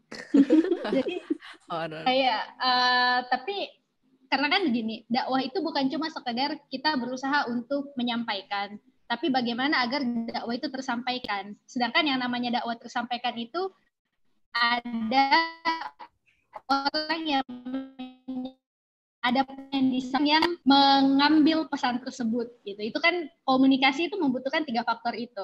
Artinya follower itu berada di faktor yang ketiga tadi ini, orang yang tersampaikan. Pesan itu berbicara tentang konten dakwahnya kita. Makanya tadi menarik yang Dena sampaikan bahwa kita butuh untuk tahu segmentasinya kita ini siapa. Followernya kita ini uh, range umurnya itu range umur dari berapa sampai berapa mayoritasnya. Nah, biasanya kan kalau di Insta Instagram itu kelihatan ya. Kalau kemudian kita ngecek, oh ternyata mayoritas followernya saya ini Uh, kayak saya 81% cewek, terus uh, range usia yang paling mayoritas yang follow itu 18 sampai 24 tahun. Nah, itu kan akan disesuaikan dengan usup-usup gaya bahasa ataupun style-style anak-anak yang usia 18 sampai 24 tahun itu. Kemudian dan yang uh, faktor yang pertama tadi adalah penyampai. Nah, penyampai itu yang berkaitan dengan dirinya kita sebagai orang yang menginfluence ceritanya. Ya siapa pun kita. Jadi siapa pun kita kan bisa menginfluence orang dengan akun-akun uh, ataupun media sosial yang kita miliki. Nah, benar kalau berbicara tentang faktor ini, faktor niat itu yang perlu banget sering kita luruskan. Karena kenapa? Saya tadi baru ngelihat satu postingan, uh, ini postingan menarik banget aja ya. Ada nggak orang ngasih ilmu tapi dia masuk neraka, tapi yang menerima ilmu malah masuk surga? Ada para ulama membahas ini. Ketika penyebar ilmu menebar ilmunya demi pamor, ia ia tak selamat. Sementara orang yang belajar darinya masuk surga karena ilmu itu bermanfaat buatnya. Jadi ironi banget nggak ya? Ada orang yang berusaha untuk menyelamatkan orang lain, ternyata dia nggak selamat karena karena niatnya, karena orientasinya adalah untuk pamor, untuk ya ketenaran, bukan untuk Allah. Sedangkan orang yang akhirnya mendapatkan ilmu dari orang yang tidak selamat tadi, malah jadi orang yang selamat gitu. Ya sekali lagi karena orientasinya tadi dia itu ikhlas. Maka bagi kita eh, bagi kita kemudian yang berusaha untuk menginfluence orang, kita meluruskan niatnya kita, kita kemudian menyediakan konten yang memang sesuai dengan artinya kan goalsnya kita itu adalah bagaimana masyarakat itu kembali kepada Islam, bagaimana uh, kita sebagai muslim itu tidak jadi fobia dengan Islamnya kita, bagaimana agar Islam itu bisa bangkit gitu sebagaimana uh, kebangkitan di masa silam gitu. Dan yang ketiga adalah kita juga berupaya untuk me melebarkan dakwah itu dengan usul-usul agar uh, followernya kita itu bisa audiensnya kita itu bisa lebih lebih melebar gitu ya lebih meluas jangkauannya dengan tadi memikirkan bagaimana agar ada bentuk peningkatan dari follower yang kita miliki juga gitu. Jadi ketiga faktor itu penting dan uh, perlu untuk kemudian dipikirkan masing-masing porsinya seperti itu. Iya iya. Kalau aku kalau aku nge-highlight ya, jadi dengan amanah follower yang kita punya itu, sebenarnya tujuan kita itu pada akhirnya itu tadi bukan cari follower untuk ngikutin kita, tapi kita cari follower untuk sama-sama following Rasulullah, following Islam. Nah, ya kan? Nah, itu. Jadi memperbanyak follower untuk diarahkan semuanya ini biar jadi ya jadi follower Rasulullah gitu. Sama-sama masuk surga bareng, sama-sama kita semuanya dijauhkan dari api neraka gitu. Itu kan goalsnya tuh. Gitu. Hmm. Jadi nggak apa-apa ya punya follower selama orientasinya itu untuk merangkul. Iya, makanya mantap. Sip, sip, sip. Follower di FB banyak, nge-share kebaikan yang like bahkan nggak ada. Kalau upload foto bisa sampai tujuh ratusan yang like. itu permasalahan algoritma memang. ya ya luar biasa. Tapi intinya seperti itu teman-teman. Ya tadi kita sama-sama follower itu bukan buat ngikutin kita, tapi buat sama-sama supaya kita follow jalan kebaikan, follow Islam, follow Rasulullah, jadi pengikutnya Rasulullah, dan jadi pengikut yang diakui sama Rasulullah pada akhirnya. Itu sih goalsnya. Dan itu yang akhirnya bikin kita bahagia. Jadi mau follower dikit, mau follower banyak, ya dengan yang sedikit itu ternyata bisa membawa kita ke goal seperti itu, itu kan juga membahagiakan gitu. Apalagi yang banyak, yang banyak bisa membawa kita menuju goals itu ya itu luar biasa membahagiakan juga gitu. Gitu. Benefit Kotop meski Wallace, eh kok aku baca aja sih yang bagian ada akunya. Padahal banyak loh yang di sini. Aduh, gitu maaf Ada yang ya. nanya nih, kalau kita nge-share tapi takut ada pihak yang ngerasa terganggu tuh gimana? Kayak dianggap Mm-mm. radikal gitu loh. Gimana ya? Gimana dong? Gimana tuh? Ada yang mau jawab nggak tuh? Gimana? Ada yang mau jawab? Ada yang nggak mau jawab? Ada yang mau jawab? Iya, memang ini sih definisi radikal itu kan definisi siapa dulu gitu ya. Karena kan sekarang gini ada ya kita semua udah tahu pasti ya ada yang namanya stigma negatif lah ya yang berusaha diciptakan terhadap Islam gitu. Jadi orang berusaha taat, orang berusaha pengen eh, apa ya belajar Islam lebih dalam, dibilangnya gitu. Ntar hati-hati loh gitu, jangan-jangan ikut aliran mana, ikut teroris atau apa radikal segala macam. Jadi semua label-label itu kan semua sudah disematkan eh, ke kita. Dan memang permainan label ini kan berbahaya gitu ya maksudnya orang kalau udah dicap apa dicap apa dia kan akan ngerasa udah udah udah ngerasa apa ya eh, ada yang salah gitu ketika dicap itu tadi padahal sebenarnya belum tentu benar gitu ya nah makanya eh, kalau apa ya kita lihat permainan label ini tadi kan memang buat apa ya menakuti bisa jadi gitu ya umat Islam itu akhirnya eh, nggak begitu serius lah tadi mengkaji Islam. Jadi udah takut duluan nih sama label radikal tadi lah teroris kadrun segala macam kan sekarang gitu ya. Kalau di medsos itu kan macam-macam ya kita coba jangan ambil itu apa ya kita masukkan ke hati gitu. Kita yang penting selama itu benar gitu ya selama itu lurus maka penilaian orang itu ya apa kalau tadi kan kalau mungkin disinggung sama Dena di awal ya jadi ya udah kita nggak memperhatikan penilaian manusia gitu. Jadi ya nggak bodo amat juga sama apa kata orang. Maksudnya ketika itu ada masukan is oke kita ambil ya ketika memang itu masukan. Tapi ketika itu hanya ingin menjatuhkan ya itu nggak usah kita ambil gitu ya kita buang aja tadi itu Enggak sebenarnya. Ih, banget. Gemes. Eh, suaranya anak. Salfok. Kan kirain Itu aku dia. Karena dia jangan diem aja kak bicara juga yang ngomong langsung anafnya ya. Mewakili ya, sambil ngomong. Aduh, aduh. Iya, iya, ini iya, langka iya, iya. muncul di layar Iya, iya. Nih, kita lanjut nih ke pembahasan Oke. stories polling yang selanjutnya nih ya. Ini menarik nih. Ada berapa polling lagi nih, Mbak? Kayaknya ada dua polling lagi deh. Wah, Ada dua polling. Share dulu. Nah, yang ini nih. Eh, salah. Ah, Mundur dikit. Ya, ini dia nih. Pilih jago masak aneka makanan atau punya keluangan waktu, keluangan semuanya ya gitu ya atau istilah privilege lah ya bahasa aja zaman sekarang untuk bisa go food atau order makanan atau ya nggak mesti harus masak setiap saat gitu. Dan ternyata yang milih 89% pengennya sih jago masak gitu. Sementara Mantap. yang milih uh, pengen punya privilege gitu ya, keluangan untuk bisa order aja ya itu 11% doang nih. Nah ini ngomongin soal jago masak jago masak ini kita serahkan nih kepada Kak Nadia dulu deh yang ahlinya. ngomong nih. Iya kan ahlinya nih memang yang permasak-masakan yang jago masak. Sebagai yang jago masak silahkan diceritakan. Followernya Mbak Dinda rajin-rajin banget ya pada milihnya yang jago masak. Oh, Jangan-jangan Nadia milihnya yang 11% ya? Aku dari tadi Mbak, yang aku pilih itu kaum minoritas terus. Aku tadi pilih yang jomblo, yang apa tadi, yang influence. Ini lagi aku pilih yang 11 berapa Iya, persen tadi yang minoritas terus. Kalau bisa yang 11% itu ya, yang kalau bisa GoFood aja gitu. GoFood.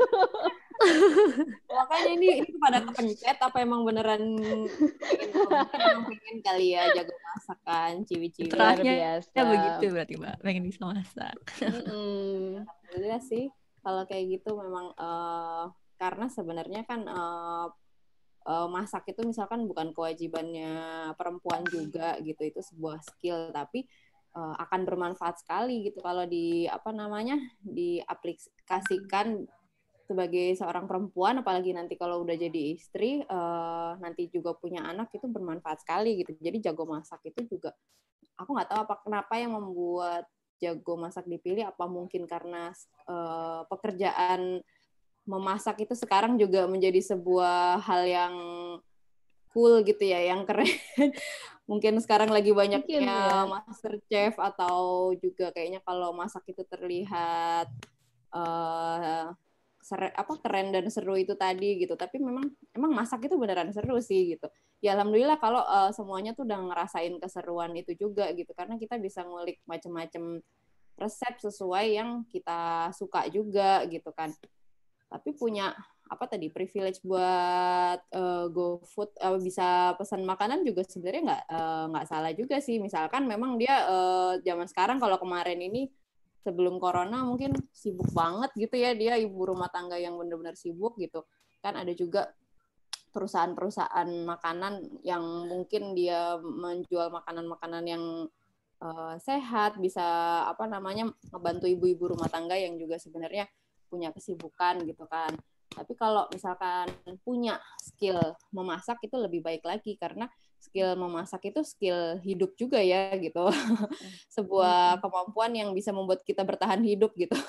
Apalagi kalau misalkan pendapatan juga misalnya uh, apa namanya nggak semua orang pendapatannya kan uh, banyak gitu ya. Misalnya juga pas lagi corona gini gitu ada yang sekarang uh, banyak pemotongan gaji atau apa ternyata dengan uh, biaya yang apa namanya pemasukan yang sedikit itu kita bisa tahu kalau dengan apa uang yang sedikit itu ternyata bisa loh memasak makanan-makanan yang enak dan uh, apa namanya sehat gitu. Itu cukup banget gitu dengan uang yang terbatas itu ternyata kalau kita belanja coba belanja di pasar gitu misalnya terus kita kita coba uh, apa kulik sendiri sesuai selera kita ternyata itu bermanfaat gitu.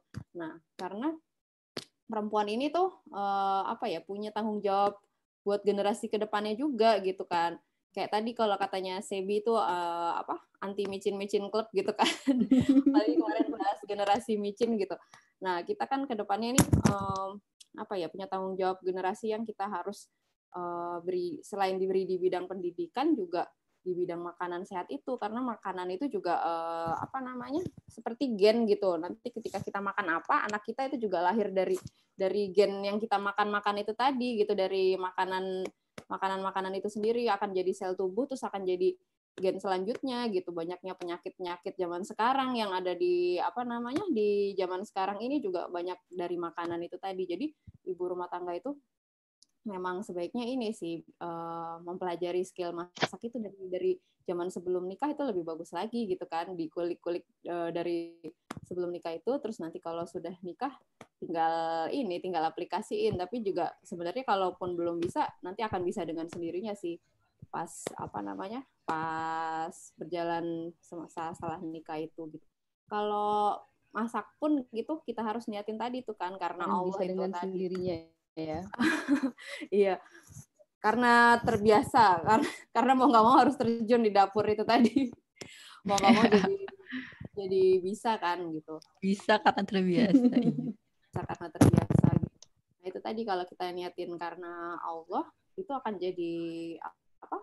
Jadi nilai plus lagi gitu kan. Semua kalau kita niatin uh, bareng sama ibadah karena Allah akan jadi nilai plus lagi bukan karena jago masak aja. Misalnya tadi kalau misalkan kita jago masak terus hanya untuk konten gitu ya zaman sekarang juga banyak banget gitu kan. Itu kan uh, ya akhirnya cuman hanya untuk konten aja. Tapi kalau seandainya tadi kita niatin karena Allah itu akan jadi apa namanya uh, pahala jariah juga buat kita. Kita niatin oh aku kepengen banget nih aku masak uh, bisa yang lain itu uh, apa namanya terinspirasi dengan kita masak ini juga mau nih bisa apa dia juga mau nih untuk mulai masak di rumahnya. Terus dia juga lebih sadar uh, pentingnya makanan sehat buat dia sendiri atau buat keluarganya gitu.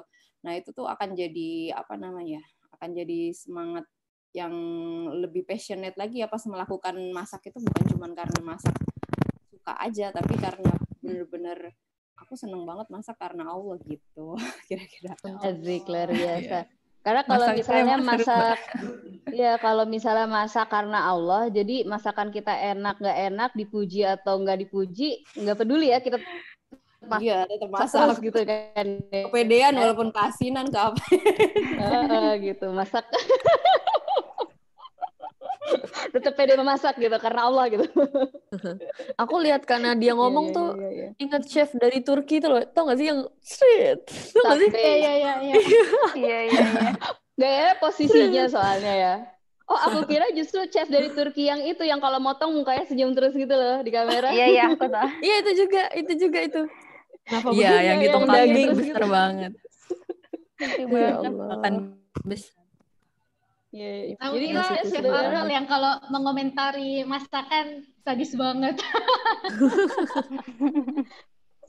Jadi intinya sebenarnya masak itu juga kalau menurut Nadia itu sem- semacam jago masak tuh itu jadi kayak suatu privilege juga ya Nat ya. ya bisa jadi privilege yang bermanfaat eh, dan sebenarnya masak itu semua orang insya Allah bisa eh, bukan bukan sebuah privilege yang apa ya yang hanya orang itu aja yang bisa melakukan. Karena semua orang bisa sampai di posisi itu gitu yang mm, apa miskin ataupun kaya sama aja dia akan sebenarnya apa namanya bisa di posisi itu gitu. Cuman mungkin malah kebanyakan orang malah mungkin kalau yang kesannya ya yang kaya gitu dia nggak bisa masak. Malah sebenarnya yang miskin itu dapat privilege mungkin dengan dia apa? Maksudnya dengan keterbatasan itu bukan berarti miskin ini juga. Maksudnya dengan keterbat semua orang itu dengan sebuah tekanan atau keterbatasan dia bisa diasah menjadi sesuatu yang luar biasa dari situ gitu. Dia jadi terasa oh deng, eh, aku nggak nyangka nih aku jadi jago masak gara-gara aku misalnya eh, aku mau nggak mau tiap hari masak. Ternyata aku bisa ya karena menurut aku masak itu bikin rasa percaya diri juga meningkat gitu. Tapi yang yang maksudnya punya kelebihan tadi eh, kok dalam bentuk uang pun dia juga kalau punya kemauan karena dia punya niatan tadi gitu ya aku juga kepengen eh, apa namanya keluargaku tuh sehat karena bisa masak sendiri gitu. Kita nggak yakin nih dengan beli makanan di luar ini beneran sehat apa enggak karena ma- masak itu bukan cuman soal makan ya tapi kita eh, mempelajari eh, apa ya sakofa ilmu ten- cie, sakofa ilmu. Wawasan ilmu tentang permakanan tentang pergizian gitu loh. Maksudnya eh, kita harus tahu gizi tiap makanan gitu. Perempuan tuh harus tahu banget gitu. Bukan jadi cuman sekedar masak sekedar enak tapi kita tahu dari nilai dari tiap makanan itu yang apa yang kita masak gitu. Itu bermanfaat banget kan buat eh, buat diri kita sendiri, buat suami kita, buat anak kita, bisa buat orang lain kalau kita bikin misalkan kita terus buat bikin perusahaan ma- apa ma- ma- perusahaan makanan yang isinya itu bermanfaat kan eh, buat orang lain juga ini apa namanya ya, lebih terasa manfaatnya gitu buat orang-orang yang ada di rumah sakit. Mungkin dengan dia punya kekurangan penyakit apa tapi kita bisa tahu apa obat dari bukan obat juga tapi maksudnya dengan oh orang yang sakit ini gizi makanannya dari makanan yang ini gitu. Nutrisinya kan itu gitu bermanfaat ya. banget gitu. Terus tentara tentara juga tentara juga kan beda kan gizinya nah itu ilmu-ilmu yang sebenarnya seru banget kalau dipelajarin kalau kita mengulik sampai situ. Jadi bukan cuma sekedar jago masak karena mungkin kita tanpa sadar takutnya kita kepingin eh, kita ada rasa percaya diri terus kita kepingin dilihat sama orang lain gitu nggak sampai situ tapi bisa lebih daripada itu dan kita niatin karena Allah gitu. Apalagi Iya, pas ada yang- hamil tuh, ibu kesemutan Gimana gimana Sebi?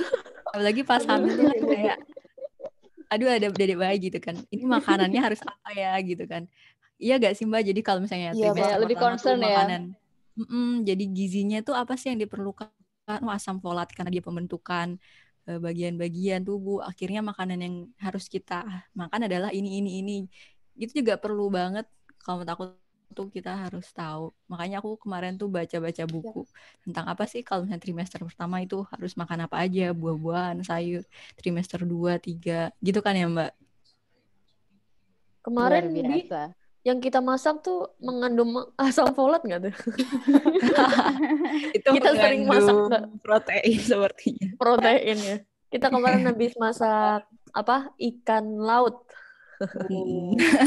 Luar biasa. Jadi karena kita tetanggaan nih Mbak, Kita, kita, sering suka masak guys.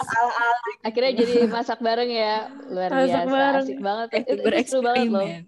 Eksperimen. Jadi eh, bener para kata suami Mbak. sebagai Iya, iya. ini ya percobaan ya. Tapi kocak sih yang yang janjian tuh suami kita loh. Oh iya. Nanti ke rumah antum ya, pasti telepon tuh.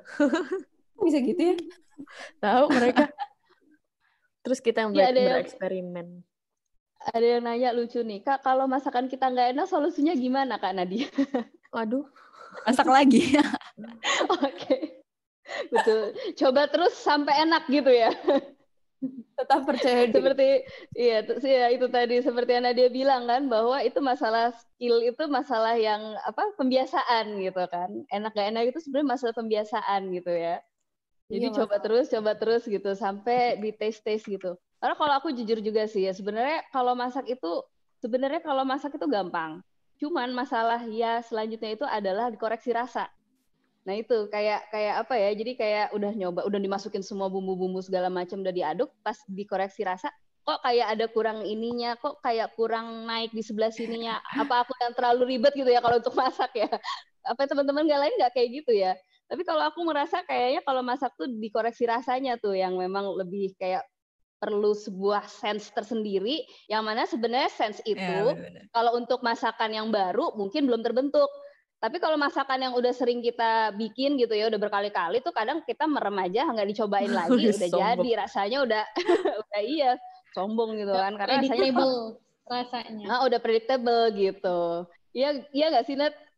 Iya sih, itu tadi balik lagi karena udah biasa apa belum, tapi kalau udah biasa ya udah gitu-gitu aja rasanya emang begitu. ya enggak bukan gitu. Baik. Maksudnya uh, ya tadi kan kata Mbak Dinda sendiri nyobain apa makanannya itu kalau misalkan belum belum pernah masak itu jadi agak bingung ya. Tapi ketika udah biasa ya tadi ternyata pembiasaan itu penting banget gitu dengan kita melakukan terbiasa mengulang-ulang melakukan itu lama-lama jadi skillful. Murajaah ya. Yeah. Murojaah, repetition ya, habits. Repetition, habits. Betul, betul, betul. Jangan lupa beli buku habits ya. Waduh, mantap. Belinya di mana, Mbak? Eh, di sini aja dong. Jadi jualan, padahal kan hari ini bukan ini ya sponsornya ya. ya, ya, ya, ya. Eh, di kita dari sisi yang sebelah sananya nih, gimana Den? Mau nanggepin nggak orang-orang yang punya privilege misalnya untuk nggak masak gitu, kemudian dia mungkin punya apa ya, ya punya privilege gitu, misalnya mungkin uh, punya membantu asisten yang setiap hari masakin. Atau dia memang punya keleluasaan untuk order. Atau mungkin memang ya itu tadi. Dia misalnya dapat dapat makanan terus gitu dikirimin terus gitu misalnya. Jadi nggak perlu okay. masak ngomongin aku ya mbak yang dikirim itu orang kan lihatnya itu mungkin privilege gitu ya hmm ya ya ya Sebenarnya kalau aku menempatkannya sih pada ini sih. Uh, pertama kegiatan ya. Kalau misalnya untuk masak nggak masak kegiatan. Uh, jadi gimana ya? Kalau misalnya orang yang kegiatannya mungkin lebih banyak di rumah, mungkin akan lebih punya waktu untuk masak gitu. Tapi kalau misalnya ada sebagian orang yang memang berkegiatannya lebih banyak di luar dan nggak mungkin dong kita masak di rumah kalau misalnya memang berkegiatannya banyaknya di luar. Jadi semua jadi semua itu sebenarnya disesuaikan dengan apa ya waktu dan kegiatannya aja. Jadi tergantung orangnya masing-masing. Kalau aku kadang bisa masak, kadang enggak. Jadi harus pesan. Atau kadang nerima makanan dari orang, jadi masakan yang dimasak dimakan besok gitu. Atau nggak masak gitu. Atau nggak masak kadang karena iya. alhamdulillah dikirim gitu. Karena waktunya kita juga bosan masak. ah iya benar nah, benar iya, banget. Itu benar benar benar ada ada waktu ya. Betul betul ada betul. Artinya itu itu bukan rahasia ya. Bahwa kadang-kadang kita bosan masak itu ini ya. Bukan cuma aku aja yang merasa insecure kayak lagi bosan masak nih gitu. Atau aku merasa bersalah, berdosa gitu enggak ya berarti ya? Nah, itu normal, beli, itu normal. Beli, gitu. itu merinya ibu rumah tangga. Jadi memang ya, apa ya? Kalau misalnya ada yang mengaitkan bahwasanya masak itu uh, lebih tertuju pada mereka yang kelasnya menengah ke bawah itu enggak juga. Ya. Yang kayak kata kayak kata Mbak Mbak Nadia tadi, hmm. semua kelas tuh bisa masak gitu. Tapi memang ada beberapa pandangan dari orang-orang ya atau dari masyarakat memang penempatannya kadang kayak gitu. Kalau udah tajir ya nggak usah masak, beli aja terus gitu. Mungkin kaitannya sama ekonomi.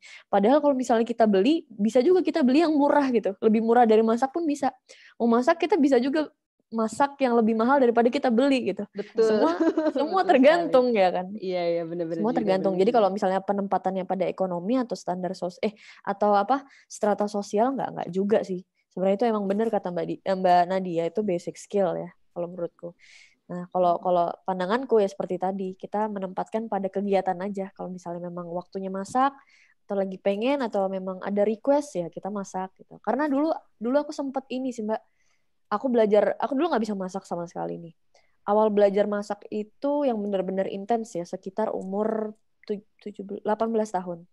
18 tahun karena waktu itu aku tinggal berdua doang sama adik di Jakarta. Jadi memang uh, karena waktu itu harus ngatur apa ya ngatur keuangan karena waktu itu kita tinggal berdua dan di dijatain gitu kan waktu itu memang belum lepas finansial dari orang tua. Jadi memang di situ aku akhirnya belajar masak gimana caranya semua semua itu bisa lebih efisien karena ketika aku cari-cari tempat makanan yang murah-murah murah itu nggak ada di sekitaran yang tempat aku tinggal itu. Jadi memang harus masak jalannya. Dan di situ aku mulai masak. Terus juga waktu itu aku sempat tinggal bertiga aja sama papa sama adik. Mamaku BTW udah nggak ada guys buat yang kepo. Nah, jadi waktu tinggal bertiga itu memang menyesuaikan dengan uh, kegiatan sih. Waktu itu kan aku sama adik pengen ngayomin papaku gitu ceritanya. Jadi ya kita bekerja sama adikku yang ke pasar beli ini itu kayak misalnya mau masak apa apa hari ini ayam gitu. Oke deh beli ayam, aku yang masak kayak gitu. Jadi memang ketika sempat begitu. Tapi kalau misalnya memang ada kegiatan ya kita berkompromi untuk beli aja deh. Oke gitu. Jadi memang ditempatkan pada kesibukannya sih atau sempat atau enggaknya gitu waktu sih availability dari waktunya masing-masing gitu. Jadi nggak nggak ngoyoh juga sih harus beli terus nggak juga. Terus harus masak terus ya nggak juga karena kita tadi mungkin ada bosannya juga mama ya. Lagi gitu. pengen free gitu ya. iya. Jadi disesuaikan aja. Selama kita nggak ngerasa berat aja sih. Nggak merasa diberatkan gitu lah. Yeah, yeah, iya. Cuman Mbak ya ini ya ngomong soal masak-masak itu aku jadi ingat statusnya Mbak Benefika itu loh Mbak yang tentang tim bekal buat suami. Sekarang tuh, uh, uh, sekarang tuh persoalannya iya, persoalan masak doang itu jadi permasalahan dan jadi thread di Instagram yang diperdebatkan begitu rupa ya, gitu. Biasa itu, di Twitter luar biasa. Uh, uh, di Twitter itu diperdebatkan luar biasa. Nah, padahal uh, ada yang anggap gini, wah masak buat suami itu patriarki itu perbudakan gitu ya terus ada juga yang menganggap gitu ya? ah, terus ketertindasan tapi ada juga yang kemudian uh, nganggap wah nggak masak bekal buat suami itu istri macam apa nanti suaminya pindah ke lain hati gitu ya serba salah dong. Akhirnya kan serba serba serba salah ya. Ini kita jadi perempuan ini serba salah gitu. Hmm. Mau masak apa enggak nih? Masak di komentari, enggak masak juga di komentari. Ya kayak gitu hmm. emang. Kalau kita tidak menempatkan standar uh, standar yang kayak tadi Mbak Nadia bilang bahwa kita itu masak untuk apa gitu loh. Hmm. Maksudnya kita masak nggak masak itu bukan jadi persoalan begitu. Yang yang makan hmm. suaminya kenapa antum sekalian yang ngerecokin dia istri yang masak dia dengan senang hati buat bekal sama suaminya kenapa uh, ada netizen yang menganggap bahwa oh, itu ini penindasan bagi perempuan masa sih zaman sekarang perempuan disuruh kayak gitu ya kali maksudnya itu ya itu urusan urusan pribadi masing-masing. Ya benar tadi kata Dena bahwa ya uh, bukan bukan jadi persoalan yang berarti sebenarnya ini jadi hal yang diperdebatkan gitu loh. Orang ketika masak dia punya keuntungannya tersendiri. Seperti kata Mbak Nadia tadi orang juga misalkan sometimes dia merasa perlu untuk eh, kadang-kadang jajan di luar dan seterusnya itu juga nggak jadi persoalan. Misal yang kayak kayak gitu gitu. Jadi yang jadi persoalan itu adalah kalau kita komentarin kehidupannya orang yang sebenarnya itu bukan hal yang penting untuk kita jadikan perdebatan. Ya, dan jadi persoalan dan itu jadi persoalan kalau kita itu hidup dalam bayang-bayang komentarnya orang. Jadi kita nah. juga jadi uh, uh, jadi kita juga rasanya itu masak insecure nggak masak juga insecure masak padahal insecure gitu ya. padahal yang yang penting lakukan semuanya karena Allah saja dan jangan melanggar hukum syariat gitu dan jalani kehidupan ya sebagaimana tujuan hidupnya kita goalsnya kita untuk ibadah kepada Allah simple gitu iya ya pengen Atau, makan aja ribet ya Ah, benar. Iya. Masak doang ribet makan doang. Yang itu loh, dok, dok, yang masakin bapaknya itu loh, dok. Tau gak? Itu iya, iya, iya, iya, itu juga. Diomelin sama temennya. Itu ngomongin gua apa gimana sih? Itu orang ya itu kan jadi kalau dengan dunia yang seperti ini ya. Jadi ya itu memang kayak komentar orang-orang tuh kayak membingungkan gitu ya. Jadi masakin buat suaminya disalahin, masakin buat bapaknya disalahin, nggak masak nanti disalahin, dianggap sebagai seperti oh, anak macam apa atau istri macam apa gitu. Akhirnya yang tadinya nggak bisa masak, terus pengen belajar masak jadi insecure gitu, makin susah gitu kan. Iya makanya kasihan gitu. iya mungkin karena ini sih mbak. Ya, yang mengeluarkan effort lebih itu dirasa ngebabu hmm. gitu. Oh, dianggapnya seperti itu ya. Padahal banyak juga yang enjoy yang enjoy mengeluarkan effort. Enjoy enjoy aja iya. kan? Hmm. Iya. Bahkan kalau tadi misalnya dari pahala. Iya, Iya. Chef Marinka nangis melihat itu semua. Susah-susah dia kuliah sampai Ke luar negeri. ya kan? iya. Kerjanya Terus di dapur juga bilang, itu. Ah, terus ada yang bilang kok kuliah tinggi-tinggi terus kerjanya cuma masak. Ya emang Ya, ada iya, yang itu kuliah di- tinggi buat masak. Profesi Profesi gitu kan?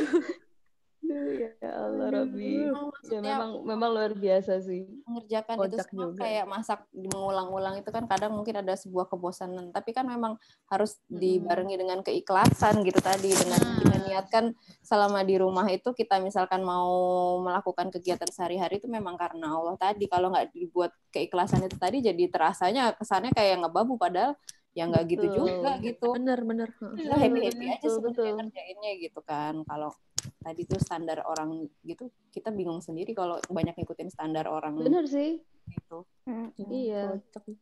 iya makanya kalau dalam konsep Islam itu kan ada yang namanya idroksilabilah gitu ya mbak.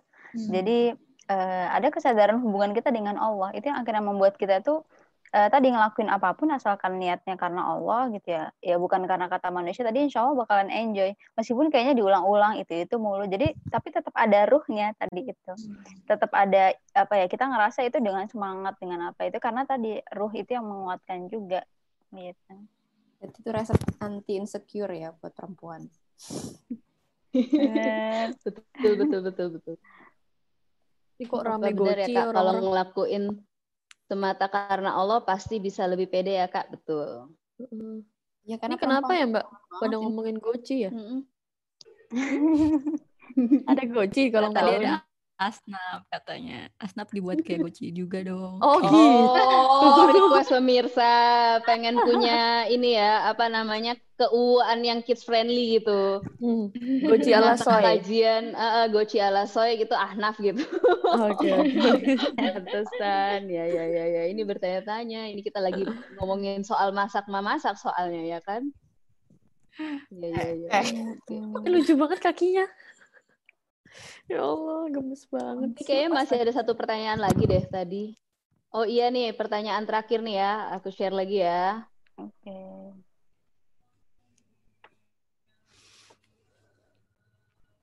Nah, ini nih. Belajar taat karena hijrah setelah gede atau belajar taatnya dari kecil karena didikan orang tua yang solih, solihah, dan paham agama. Tuh, Itu yang milih taat dari kecil 63%. Ini mungkin kebanyakan anak-anak hijrah gitu. yang Oh, cuma iya, iya. kayak Aku Eh, aku pilih juga kayak- itu. gitu kan kayak coba gue punya orang tua yang emang udah ulama gitu ya yang dari dulu kecil gitu jadi gue nggak kecemplung-cemplung nggak tenggelam-tenggelam dulu ke mana-mana gitu Berarti dia sudah punya nikmatnya taat. Asik. Iya, iya, benar-benar. oh, luar biasa Masya Allah. Iya iya iya silakan silakan ini kak kak Sabel nih kak Sabel nih boleh nih yang orang tuanya memang eh, apa namanya lingkungannya dari kecil dengan orang tuanya juga yang sudah istilahnya terjaga gitu ya Iya. Ustadz Hafiz open ini enggak, Bel? Mau ngangkat anak enggak? Boleh dong aku jadi anak angkat enggak apa-apa. Banyak yang Aku kiranya apa Jadi- open mantu. Ya, Enggak jadi. ya. Aduh. Ya, jadi kalau. Jadi apa ya? Kalau memang bicara eh, kondisi kayak gini tadi ya kita mau milih mending dari keluarga seperti apa itu kan lagi-lagi kita nggak bisa memilih gitu ya. Jadi karena itu kalau dalam konsep kode dan kodar itu kan ini ada eh, ranah yang di luar kuasa kita. Jadi kita nggak bisa request nih lahir ya Allah pengen di keluarganya seperti apa gitu. Nah artinya ketika kemudian Allah menempatkan kita di apa tempat yang seperti apa tadi itu, kemudian latar belakang keluarga seperti apa, semuanya sama-sama bisa jadi ujian buat kita. Gitu ya ketika ada yang apa namanya di ranah yang dia itu penuh dengan kemudahan itu ternyata bisa jadi ujian. Yang ranah yang penuh dengan kesulitan itu bisa juga jadi ujian. Gitu karena kan memang hidup ini tempat ujian gitu. Jadi ya apa ya eh, tidak ada yang lebih baik tadi itu ya. Apakah eh, apa namanya di eh, keluarga yang sudah eh, terjaga ibaratnya gitu. Nah cuma intinya di sini eh, semua harus kita pahami gitu ya teman-teman. Bahwasanya upaya ketaatan ya upaya kita untuk mengenal Islam lebih dalam itu kan tidak bisa eh, apa ya namanya itu diwariskan. Ya kan kalau ada lagunya itu ya iman tak dapat diwarisi gitu ya. Meskipun dari seorang ayah yang bertakwa gitu ya dari ya keluarganya seperti apa gitu. Artinya kalau kita bicara the way of life juga itu kan butuh pencarian. Ya jalan kita menemukan jalan hidup menemukan jawaban atas pertanyaan-pertanyaan besar yang bisa jadi apa ya menghantui kita kayak pertanyaan kita tuh sebenarnya ngapain sih di dunia ini?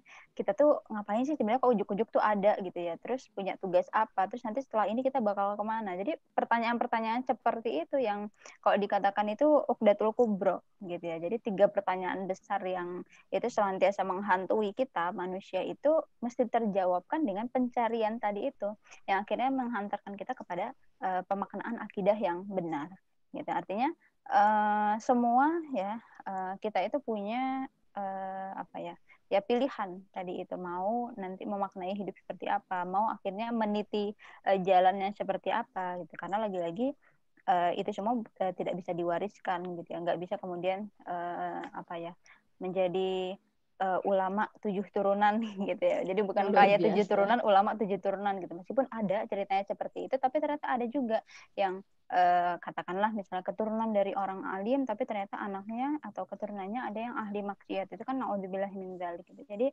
eh, karena lagi-lagi tadi itu dunia ini ujiannya atau fitnahnya itu kan luar biasa banget ya. Artinya eh, setiap dari kita mesti berusaha untuk juga eh, apa ya meniti jalan ketaatan bukan karena eh, merasa sudah diturunkan tadi itu tidak tapi berdasarkan kesadaran kita juga gitu. Hmm. Kak Sabel, aku mau nanya dong. Ya. Kadang mungkin aku ngeliat beberapa temen tuh ada ngerasa be beban gitu ya ketika orang tua atau keluarga itu adalah orang-orang besar. Hmm, hmm. Karena mungkin pandangan dari masyarakat bapaknya ya anaknya berarti kayak gitu. gitu. Hmm. Ada ada pohon, eh gimana sih ja, buah, buah tak jatuh, tak jatuh jauh tak dari jatuh. pohonnya. Nah, itu dia dah. Kak Sabel tuh ngerasain kayak gitu gak sih kak? Adakah pandangan-pandangan kayak gitu? Ada rasa okay. insecure gitu ya? Soalnya biasa terjadi kayak gitu loh. Ya, ini aku pernah juga menemukan ya. Maksudnya pernah menemukan ada nih satu kasus ya katakanlah public figure gitu ya. Yang dia itu anak dari seorang ustadz gitu ya. Terus kemudian orang-orang tuh banyak mengharapkan anak ini harus jadi seperti ustadz, seperti bapaknya. Gitu. Akhirnya apa anak ini tadi justru malah e, bisa dikatakan berontak gitu ya atau ngerasa kayak ya udahlah itu kan nanti ada waktunya, nggak usah kayak nggak usah nuntut-nuntut gue dong, suka-suka gue pengen jadi seperti seperti apa.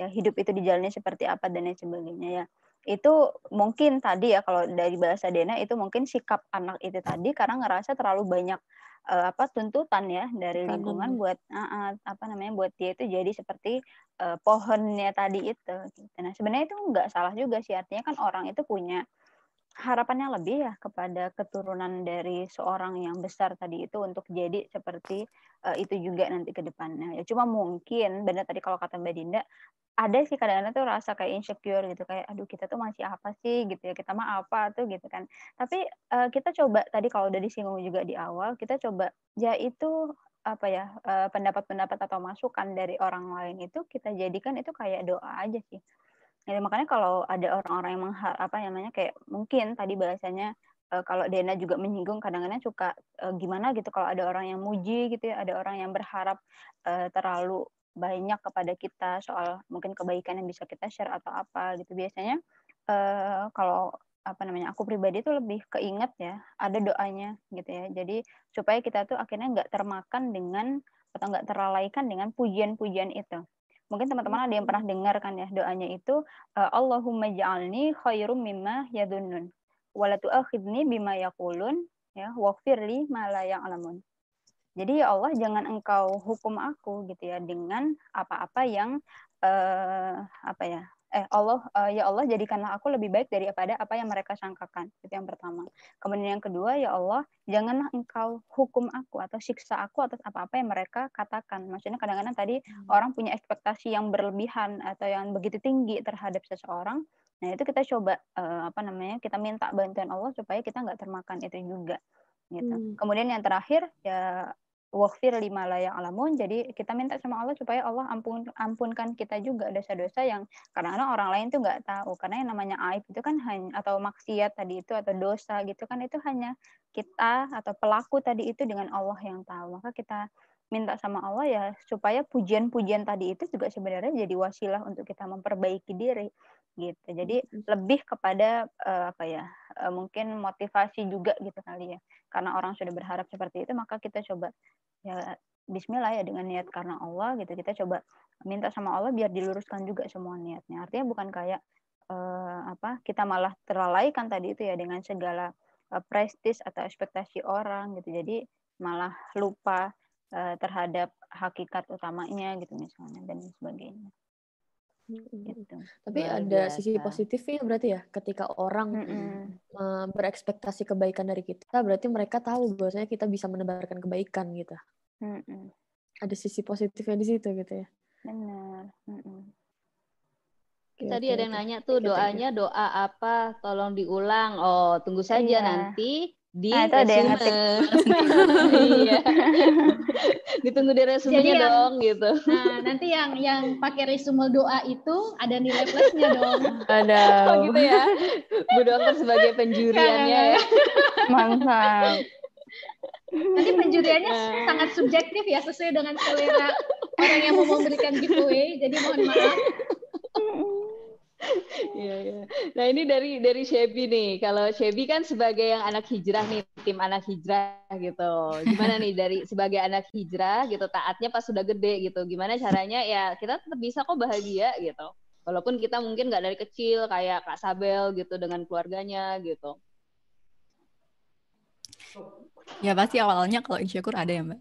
Kayak kok kenapa sih aku nggak baik dari dulu aja gitu? Kenapa sih kok orang tua aku nggak seperti dia misalnya? Pasti banyak hal. Dan kalau misalnya taat pas udah gede tuh kayak apa ya usahanya kita harus lebih lagi gitu kan. Kenapa? Karena kan kita nyari sendiri. Kita nggak disuapin istilahnya sama orang tua kita gitu. Berarti kita harus yang cari tahu sendiri. Aku tuh harus cari ag- uh, ilmu Islam tuh ke mana sih gitu kan? Maka perlu usaha-usaha berlebih buat kita tuh taat saat udah gede tuh nggak segampang kayak kita taat udah dari kecil gitu kan. Ibaratnya kayak kalau misalnya kita menulis eh, apa ya batu gitu kan. Eh, apa? Ibaratnya kalau misalnya kita menulis di batu tuh kita akan apa sih kok jadi lupa? Oh iya ada aku tahu ini peribahasa kalau... Arab ya. Belajar ya, di masa kecil ibarat mengukir di atas batu iya nggak sih? Nah iya ibarat mengukir di atas batu gitu pasti kita akan lebih mudah buat ngejalanin. Karena misalnya dari kecil ibunya udah ngajarin pakai kerudung. Akhirnya kita kalau misalnya udah besar malu gitu kan pakai kerudung. Tapi kalau misalnya uh, kita udah besar terus baru mulai buat hijrah itu awal-awal aku pakai kerudung aja kayak ih gimana ya pandangan orang gitu kan. Jadi pandangan yang pertama tuh dipikirin tuh bukan ke Allahnya gitu tapi manusianya gitu. Wah orang-orang tuh udah tahu aku tuh nggak nggak pernah pakai kerudung misalnya. Kalau misalnya aku tiba-tiba hijrah pakai kerudung apa ya reaksi mereka? Mereka bisa nerima aku nggak ya gitu kan. Dan seperti yang saya bilang tadi gitu kan semuanya itu pasti ada transisi gitu kan peralihan. Dan pas transisi ini peralihan ini adalah masa-masa terberat kita gitu kan. Ibaratnya kalau kalau kata Allah tuh kamu kalau misalnya merasa diri kamu itu beriman ya kamu pasti akan diuji kayak gitu Nah, di situlah ujian itu benar-benar kerasa pas di, di sisi peralihannya. Tapi kalau misalnya kita udah ngerasa buat istiqomah gitu kan, udah terbiasa hal itu kita lakukan, itu akan enak sendiri gitu. Kita pakai kerudung udah nggak kayak kok biasanya dulu gerah ya pas awal-awal gitu kan pakai kerudung. Tapi kok sekarang-sekarang udah nyaman, terbiasa. Tiba-tiba kalau misalnya ada yang ketok pintu dari luar, kita tuh udah buru-buru ngambil kerudung gitu kan dan segala macam alat menutup auratnya gitu kan buat menutupin aurat kita gitu. Jadi nggak ngerasa risih lagi kayak gitu. Jadi memang usahanya harus berlebih kayak gitu. Dan pasti memang kalau misalnya dilihat dari polling Mbak Benevico yang tadi ya aku juga kalau misalnya disuruh milih pengennya sih dari lahir ya udah hmm. taat aja gitu. Tapi kan baik lagi ke takdir gitu kan. Allah nyiptain kita beda-beda gitu kan. Kalau misalnya semuanya sama ya nggak seru dong gitu meng, apa ya kalau cerita itu akan menarik kalau berwarna-warni misalnya. Misalnya kalau misalnya pelangi itu akan bagus kalau misalnya dia memang warnanya itu cantik beda-beda. Coba kalau misalnya pelangi per apa kalau misalnya pelangi warnanya cuma itu itu aja. Kan kayaknya bosan gitu kan nggak ditunggu-tunggu kayak gitu. Makanya eh, bahkan kalau misalnya menurut Umar bin Khattab gitu kan beliau punya quotes yang pas aku hijrah tuh aku pas baca quotes itu kayak oh iya ya kayak gitu. berarti aku harus bersyukur nih atas segala keadaan yang aku dapetin sekarang. Jadi quotes kata Umar bin Khattab ini beliau uh, kata beliau simpul Islam itu akan pudar atau hilang apabila banyak dari umat Islam yang mereka itu uh, beriman tapi tanpa mengenal kejahiliahan kayak gitu. Kenapa? Karena kalau misalnya kita beriman tapi kita belum kenal apa ya kemaksiatan kejahiliahan, akhirnya pas kita nggak sadar, eh kayaknya itu asik deh. Akhirnya kita coba-coba. Padahal itu akhirnya uh, apa ya berakibat buruk loh kayak gitu. Mm -mm. Jadi perlu juga orang-orang yang cemplung ke dunia yang nggak baik, ak akhirnya dia berubah menjadi lebih baik itu juga perlu kayak gitu. Jadi memang yang Allah agak tuh agak setengah tenggelam gitu ya. iya, atau bahkan pernah tenggelam sekalipun. Pernah tenggelam sekalian kelelep gitu. iya, kelelep dan akhirnya Masya Allah, misalnya kayak Mas Fuad belajar berenang akhirnya, gitu ya. Uh, karena tahu ini loh K-pop tuh bahayanya seperti ini. Misalnya kalau misalnya kita ber berlebihan memuja, akhirnya beliau malah lebih dalam ahlinya di situ gitu kan. Mendakwahkan akhirnya dia tahu mana yang boleh dan mana yang nggak boleh kayak gitu. Jadi semuanya memang harus disyukuri. Itu udah takdir Allah. Masya Allah. Ini ada komen yang menarik nih dari netizen nih Uh, tapi alhamdulillah Kak Sebi udah dapat suami soleh yang bisa mendidik lebih dan saling sharing gitu. Oh, nah, jadi Dena tayang-tayang ya, uh banget sih ya, gitu kan. banget sih. Nah, cuman maksudnya, cuman maksudnya di sini nih mungkin ada orang-orang itu nggak yang berpikir bahwa ini nggak sih, jadi kayak uh, ya ya terang aja, Sebi sekarang enak bisa ngomong kayak begitu karena sekarang udah dapet suami soleh yang bisa mendidik, saling sharing gitu. Atau justru suami soleh yang seperti itu itu adalah karena buah daripada ikhtiar-ikhtiar atau usaha Sebi untuk taat sebelum-sebelumnya yang melalui suatu perjalanan atau perjuangan yang panjang gitu. Coba silakan nih dikomentarin nih. Kalau aku ya mungkin dari perjuangan yang panjang juga sih gitu. Karena kan pas awal-awal hijrah terus pas dari tengah-tengah hijrah, aku tuh pernah dapet masa di mana kan kalau aku ngambil uh, apa ya pemahaman yang perempuan tuh nggak boleh loh goncengan apa boncengan berdua sama sama laki-laki gitu hmm. gitu kan ya mbak hmm. jadi aku hmm. pernah suatu ketika pas malam-malam itu kondisinya uh, sore aku ngejenguk sama mamahku tuh ngejenguk saudaraku kan di rumah sakit nah ngejenguk saudara di rumah sakit setelah itu uh, ternyata kita malamnya itu kita pulangnya malam ya karena kita kesorean gitu kan karena kan biasanya jam besuk tuh sekitar jam limaan itu ya kalau buat sore akhirnya aku pulang malam itu udah udah mau jam 8 jadi habis sholat maghrib terus aku pulang habis isya dan karena aku kan di Bogor dan agak-agak kampung gitu ya rumahku. Jadi mobilnya itu mobil angkotnya itu agak-agak limited gitu ya. Jadi kalau udah sore malam itu udah penuh, udah habis bahkan. Jadi kalau nunggu angkot jam 9 itu kayaknya mustahil ada deh kayak gitu. Tapi aku percaya ah, pasti Allah nolong gitu Akhirnya aku coba buat ya udah deh naik angkot yang ada dulu. Akhirnya aku berhenti di perempatan pertigaan aku nunggu aduh kok nggak datang datang ya? Udah sejam aku udah udah baca doa apa gitulah istighfar dan segala macam terus aku aduh naik ojek gak ya? Gitu loh. Aku masih takut takut gitu kan nggak boleh tapi gitu loh. Mungkin karena entahlah karena sebelumnya itu aku habis kajian gitu kan jadi bahas kajiannya itu bahwasanya kita ini harus percaya bahwasanya Allah itu selalu menolong kita. Kalau kita itu percaya sama apa ya, sama Allah bahwasanya Allah akan menolong kita. Nah, dari situ aku benar-benar nguatin tekad aku gitu kan. Dan sebelum Allah menolong kita juga kita harus bertobat dulu gitu kan sama Allah. Akhirnya dari situ aku bertekad buat kayaknya aku bisa deh gitu. Buat gak naik uh, ojek misalnya boncengan sama laki-laki gitu. Karena daerahku belum ada tuh ojek syari kayak gitu. Akhirnya aku mencoba buat terus istighfar sambil uh, minta tamu sama lo sambil ya Allah pasti ada keajaiban gitu. Aku sampai harus yakin gitu kan. Karena kan Allah itu sesuai dengan prasangka hambanya gitu ya Mbak. Dan itu benar-benar kayak keajaiban banget gitu. Sampai akhirnya pas udah malam satu jam dua jam aku nunggu nggak ada angkot yang lewat tiba-tiba temanku lewat naik motor dan itu perempuan wah itu kayak wow keajaiban banget itu akhirnya Allah nolong juga lewat jalan temen aku itu. Itu kan kayak ngerasa kita nggak mungkin gitu. Tapi apa sih yang nggak mungkin uh, buat Allah gitu kan? Itu benar-benar kayak ya yang penting kita yakin percaya dan kita juga ada usaha buat dapetin itu apa kayak gitu. Masya Allah, itu romantis Mantap. banget ya cara Allah, cara Allah menolong kita gitu ya.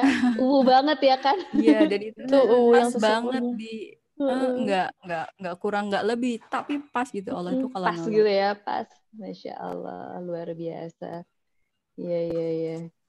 Jadi menanggapi eh, tanggapan komen yang tadi, intinya Ya adalah akhirnya persiapan untuk mendapatkan hal yang baik ya harus dari jauh-jauh hari kita memantaskan diri.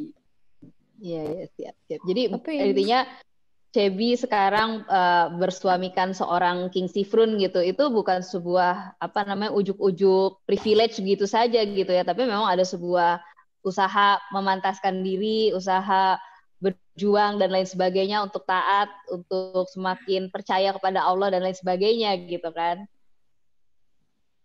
Iya benar banget. Karena kan aku pengen misalnya aku pengen dapet laki yang baik, tapi misalnya ngerasa diri belum baik, apa sih caranya? Makanya Nah, carilah itu betul. eh, cara-cara yang buat kita bisa jadi lebih baik lagi. Banyak sih Dena gimana. Dena? Iya, banyak sih Mbak pandangan yang apa ya, menitik beratkan kita bakal menjadi solehah ketika nanti kita dapetin dulu nih cowok yang soleh kita. Jadi patokannya adalah punya suami soleh dulu biar kitanya solehah. Banyak sih, maksudnya yang berpikiran kayak gitu. Cuman kalau misalnya kita eh, inget lagi ya rumusan jodoh, jodoh kan lagi-lagi cerminan.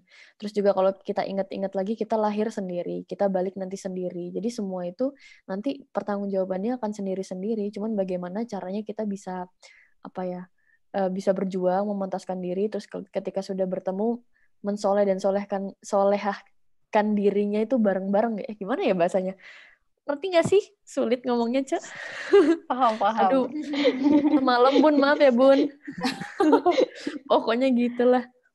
Jadi ya maksudnya jangan digantungkan ke orang lain sih baiknya kalau misalnya urusan eh, soleh atau solehahnya kita. Karena kan kita baliknya kan sendiri-sendiri. Jadi nanti takarannya dari Allah ya kita sendiri gitu.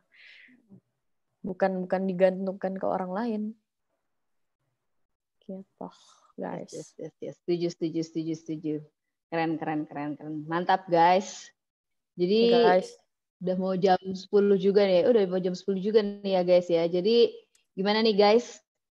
Eh, Kesimpulan-kesimpulan dari perpollingan kita hari ini tentang the word of the woman yang banyak maunya dan bingung kadang-kadang. Silakan, silakan. Siapa yang mau kasih kesimpulan? Dokter Ati mana tadi Dokter Ati? Oh, aku ditodong nih, alhamdulillah, Allah. Enggak, aku kok tumben ada yang sepi gitu. Padahal aku tadi masih mikir loh, Bel, apa ya bagus kesimpulan. Maaf. ya, tapi aku eh, aku aku nggak nggak bisa ini nggak bisa menghindar kalau udah Ustazah Bella yang nodong ya sebagai murid ini aja. Jadi eh, kalau aku sih kesimpulan the word of the woman pada kesempatan hari ini. Jadi perempuan itu adalah Nobita, bukan Wadaw. Shizuka. Lo kok Oke, bisa? oke. Iya kan ada lagunya tuh Nobita. Ingin ini. Oh ingin iya itu banyak. benar, betul, kan? betul, betul, betul. gitu Tadinya, iya iya benar-benar. Tadinya awalnya judul judul eh, sesi Lady Set kali ini maunya aku bikin gitu loh, aku ingin begini, aku ingin begitu loh. Oh. Emang Iya iya iya. Nobita iya. jadinya. Jadi cewek itu sebenarnya Nobita. Ya bukan bukan aku merubah gender dari Nobita ya. Tapi maksudnya kayak gitu. Bahwa yang namanya cewek itu ternyata emang banyak maunya. Nah, kenapa ya kayak polling-polling tadi itu kita kayak seolah-olah kadang-kadang mau ngambil semuanya. Polling yang pertama contohnya kayak tadi ya eh, antara nikah dengan keuangan syar'i maksimal versus jomblo tapi dengan eh, kebebasan untuk bisa melanjutkan pendidikan tinggi dan juga bisa eh, melakukan aktivitas sosial yang luas, pengennya dua-duanya, pengen nikah dan punya keuangan yang syar'i maksimal, tapi bisa melanjutkan pendidikan, sekaligus masih bisa juga melakukan aktivitas sosial. Kan kayak gitu ya, pasti kalian juga mau gitu kan? Ngaku Hmm, ya, Nek? Benar.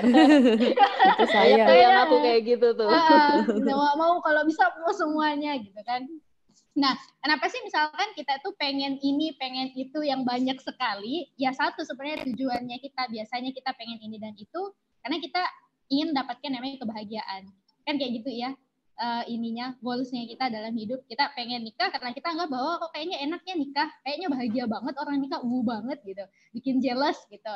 Bikin jealous para jomblo yang ngenes nah tapi kita ngelihat juga yang jomblo tapi punya karya ya masya Allah keren juga ya. Kayak kayak bahagia banget. Nah tapi padahal sebelum ke arah sana itu ada struggle yang harus kita lalui gitu yang kadang-kadang itu tadi kita melompati struggle-nya pengen langsung bahagianya. Kayak pengen ini pengen itu banyak sekali tadi karena cuma goalsnya itu kebahagiaan. Nah persoalannya adalah ketika standar kebahagiaan ini atau makna ataupun konsep kebahagiaan ini berdasarkan uh, konsep yang kurang tepat. Yang terjadi adalah apa? Yang terjadi justru uh, kekeliruan dalam mengambil langkah-langkah kehidupan. Nah, bisa dibilang begitu. Kalau kebahagiaannya kita adalah kebahagiaan yang semu, itu bisa jadi sesuatu yang berbahaya. Gitu. Artinya apa? Kita itu sudah struggle, kita itu sudah ngejar sesuatu yang kita anggap bahwa ini loh kebahagiaan, tapi ternyata pas dapat zong, eh ternyata nggak bahagia ya.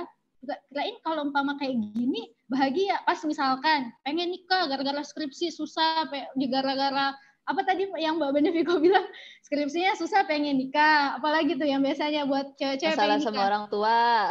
Nah, masalah sama orang tua pengen nikah pengen pisah sama orang tua gitu kan. Atau masalah apa gitu ya. Pengen nikah. Eh pas nikah. Kemudian ternyata ada tadi komentar netizen itu lucu. Dia bilang kurang lebihnya kayak gini. Kalau uh, nikah itu tanpa ilmu tanpa persiapan nanti kayak kasus corona yang nanti kayak COVID-19. Kenapa? Wadah. Kasus baru tiap hari. Jadi ada kasus baru tiap hari iya, sama bener. suaminya. Kan beneran bagus banget. Iya, iya, iya. Bener, dari, bener. terima kasih ya quotes-nya teman-teman yang komentar tadi. Nah, jadi jadi kayak gitu ternyata pas dia anggap bahwa nikah itu kebahagiaan pas nikah wah zong nih ternyata malah masalah baru malah bertengkar mulu sama suaminya malah ada masalah finansial entah nanti kalau punya anak ada lagi masalah dengan anak jadi nggak nggak berhenti ininya akhirnya yang awalnya dianggap ini kebahagiaan ternyata dia merasakan justru kok saya menderita ya gara-gara nikah. Nah itu tadi. Kalau kita hmm. menyandarkan kebahagiaan itu pada sesuatu yang keliru. Even sebenarnya kalau kita berbicara tentang konsep kebahagiaan ya ini adalah sesuatu yang menarik sebenarnya. Kenapa? Karena para filsuf pun bisa dikatakan mereka itu kebingungan dan banyak banget teori-teori yang kalau berbicara tentang filsafat ini kayak saya Ustadz Husain gitu ya pakai teori-teorian tapi, tapi tapi benar menarik. Ini ada buku yang uh, recommended juga buat teman-teman. Judulnya itu motivasi nafsi ya. Nah di salah satu bab buku ini di halaman 150 cela udah kayak tadi udah niru Ustadz Husain sekarang niru Ustadz tadi Hidayat. Jadi kalau di pembahasan tentang bab uh, bab apa sih ini makna kebahagiaan ya kalau nggak salah. Nah, mana kebahagiaan ya benar. Di bab mana kebahagiaan halaman 153 itu menarik banget. Banyak ternyata teori-teori yang dicetuskan oleh para filsuf itu untuk mendefinisikan kebahagiaan yang ternyata ujung-ujungnya mereka berbeda mazhab gitu. Ada eh, meskipun satu guru kayak gurunya itu adalah Socrates tapi ternyata murid-muridnya itu punya makna kebahagiaan yang berbeda. Uh, ada muridnya bernama Antitenes, dia menganggap bahwa kebahagiaan itu adalah ketika kita itu melepaskan semua kenikmatan dunia, pokoknya hidup susah, hidup menderita, hidup dengan kedermawanan itulah kebahagiaan. Nah, satu lagi muridnya yang lain uh, dia mendefinisikan kebahagiaan itu ya uh, mungkin teman-teman pernah dengar hedonisme ya. Nah, hedonisme itu adalah salah satu salah satu mazhab ya mazhab dari muridnya Socrates tadi yang bertolak belakang dengan si Antitenes ini karena dia menganggap bahwa kebahagiaan hakiki itu kalau kita itu merasakan kenikmatan-kenikmatan uh, jasa dia gitu. Nah, jadi kalau kemudian kita ngelihat ya para filsuf pun sebenarnya kebingungan memaknai kebahagiaan itu sebenarnya apa sih. Nah, tapi yang jelas yang hari ini kemudian kita bisa uh, lihat bahwa kebanyakan dari manusia itu melihat aktivit melihat satu bentuk kebahagiaan itu kalau ada uh, something yang secara materi itu bisa dirasakan, bisa dinikmati gitu. Jadi dianggap bahwa uh, yang paling yang paling kelihatan Mbak ya hari ini misalkan kayak kita itu disuruh sekolah tinggi-tinggi, disuruh kuliah. Contoh misalkan kenapa sih mau jadi dokter? Oh, biar gajinya itu tinggi gitu ya. Biar padahal pas jadi dokter ya gajinya juga gaji UMR pas awal-awal gitu ya. Nah, ternyata modalnya justru lebih besar dikeluarkan pada saat sekolahnya dibandingkan dengan uh, ininya pemasukannya curhat dikit. Nah, jadi jadi kadang kadang-kadang tuh ternyata kita itu menganggap bahwa uh, sekolah tinggi-tinggi buat apa? Buat dapat kerja. Nanti kerja di perusahaan, dari pegawai, berusaha buat jadi manajer, berusaha jadi direktur, berusaha buat CEO, uh, buat jadi CEO dan seterusnya itu kenapa? Ya karena pengen gaji, pengen harta yang berlimpah. Nah, karena dianggapnya bahwa harta itu adalah kebahagiaan. Begitu juga dengan prestise di mata manusia. Kenapa sih pengen follower? Kenapa sih pengen tenar? Karena dianggap bahwa tahta ataupun prestise itu adalah satu bentuk kebahagiaan. Nah, makanya kan ada istilah harta, tahta, dan wanita gitu kan, yang dianggap sebagai uh, pilar-pilar uh, kebahagiaan. Nah, padahal nih, kalau kita berbicara tentang dua hal ini tadi, harta dan tahta, kita bisa melihat di dalam ayat Al-Quran itu Allah sudah memberikan kita contoh yang luar biasa. Sekarang siapa sih yang bisa berkuasa yang lebih daripada kekuasaannya Fir'aun? Seberkuasa-berkuasanya Donald Trump hari ini, ya, yang dia sebagai presiden negara yang superpower, adidaya dunia, tapi nggak pernah yang namanya Donald Trump itu berani untuk menyendiri. Dok? Ada yang ngebajak. Ini gimana ganggu dok? lagi ya? Ganggu lagi. Itu tadi aku ngomongnya sampai mana? Trump. Oh, iya, kenapa okay. gitu? oh, gitu ya. Wah, bahaya nih bahas tentang Bang Donald Trump langsung baca baru. Ini ada konspirasi elit global ini, maaf ya. nah, jadi uh, seberkuasanya Donald Trump, dia itu paling banter, paling banter ya. Hanya sekedar uh, paling banter itu mengakui Palestina itu eh bukan Palestina, mengakui Yerusalem itu sebagai ibu kotanya Israel. Tapi Donald Trump tidak pernah mengakui dirinya sebagai Tuhan. Nah, bandingkan dengan Firaun. Hmm. Firaun itu saking dia berkuasanya, saking punya power yang luar biasa yang nggak ada yang bisa ngebantah dia. Dia itu berani untuk menyatakan bahwa dirinya itu Tuhan. Gitu. Nah, ternyata apa? Kalau kemudian kita lihat berarti Firaun ini adalah ikon di mana dia punya tahta yang luar biasa tidak ada yang menyaingi tahtanya si Fir'aun. Nah, kalau kita ini memburu tahta ya, ternyata apa yang terjadi dalam kehidupan Fir'aun? Apakah Fir'aun itu bahagia? Ternyata enggak. Kehidupannya set ending, ditelan sama lautan. Kan kayak gitu ya. Akhirnya apa ya? Kita bisa menyimpulkan bahwa ternyata tahta itu yang dimiliki, yang dikuasai, itu bukanlah suatu bentuk kebahagiaan yang hakiki. Begitu pula juga dengan harta. Di zaman yang sama, kita bisa belajar dari Korun. Yang kalau kemudian hari ini siapa sih yang uh, orang terkaya di dunia? Jeff Bezos ya? Siapa sih namanya yang punya Amazon itu benar nggak sih? Kan antara itu ya yang punya Amazon itu yang sekarang tercatat sebagai uh, orang terkaya di dunia.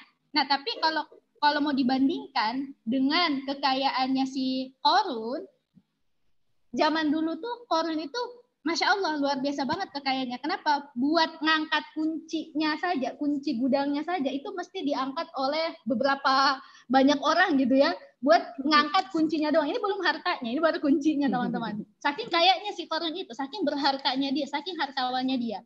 Tapi apa yang terjadi dengan Korun? Apakah hidupnya bahagia? Enggak juga. Malah hartanya dan dirinya itu ditenggelamkan dalam buminya Allah.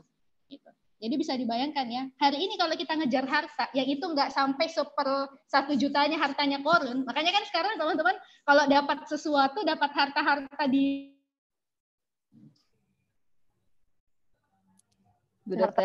Korun ya. Karena itu kisah hartanya korun tuh yang ditenggelamkan saking banyaknya. Makanya diklaim semua semua yang tertimbun di tanah itu hartanya korun. nah, jadi maknanya adalah ternyata kalau kita kejar yang namanya harta, kalau kita kejar yang namanya tahta, itu bukanlah sebuah bentuk mana kebahagiaan. Karena ternyata sudah ada contohnya, sudah ada ikonnya. Yang mereka berharta, yang mereka bertahta, tapi ujung-ujungnya set ending juga. Nah, masa sih kita hari ini sudah ada contoh seperti itu, pengen juga ngejar kebahagiaan yang semu seperti itu. Ujungnya kayak gini, kadang kita tuh akhirnya apa ya, eh, kadang kita itu akhirnya memburu sesuatu untuk mendapatkan jawaban yang ternyata pas kita dapatkan kita ngomong oh ternyata ini bukan jawaban yang saya cari. Kan sayang gitu hmm. waktunya kita. Sayang kemudian usianya kita. Yang kita ngejar sesuatu ujungnya kita sadar bahwa ini bukan jawaban yang saya cari. Nah sehingga apa ya orientasinya kita itu alhamdulillah kita sebagai seorang muslim ada Al-Qur'an sebagai petunjuknya kita. Bahwa apa sih yang kita cari di dunia ini? Ya kayak di uh, Ustazah Sabil sebutkan kita harus memaknai hakikat kehidupan ini menjawab tiga pertanyaan mendasar. Dari mana sih kita berasal, untuk apa kita hidup, dan akan ke mana kita setelah kematian. Maka Islam itu mendefinisikan kebahagiaan itu adalah apa? Ketika kita dekat dan taat kepada Allah. Yang kebahagiaan itu bukanlah sesuatu yang secara material bisa kemudian kelihatan.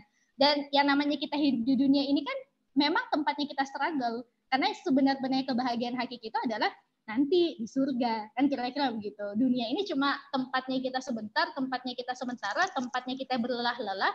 Yang nanti hasil dari lelah-lelahnya kita beribadah hasil dari lelah-lelahnya kita itu taat kepada Allah akan kita dapatkan hasilnya di surga kelak insya Allah. Ya meskipun goyah al goyah ataupun tujuan di atas tujuan tetaplah ridho Allah ya. Persoalan surga dan neraka itu persoalan reward dan punishmentnya kita gitu. Yang nggak masalah sih kita termotivasi dengan itu karena Allah pun motivasi kita dengan itu dan inilah yang jadi sebuah bentuk tantangannya kita khususnya kita sebagai manusia-manusia akhir zaman saat ini ya karena orientasi orientasinya kita itu sebenarnya secara tidak langsung hari ini di tengah-tengah society-nya kita itu sudah terbentuk untuk betul-betul hanya sekadar hidup itu mencari materi gitu. Jadi misalkan ya kayak contohnya mungkin kita tadi ngomong soal masak, ngomong soal masalah perempuan ya sehingga orang itu bahkan kemuliaannya hanya ditakar dari aspek materi. Nah, sehingga banyak yang misalkan merasa minder tuh kalau misalkan dia hanya kuliahnya tinggi-tinggi gitu ya, S3, S2, Masya Allah. Tapi ujung-ujungnya misalkan pas nikah jadi ibu rumah tangga. Dan itu dipandang sebelah mata karena kenapa?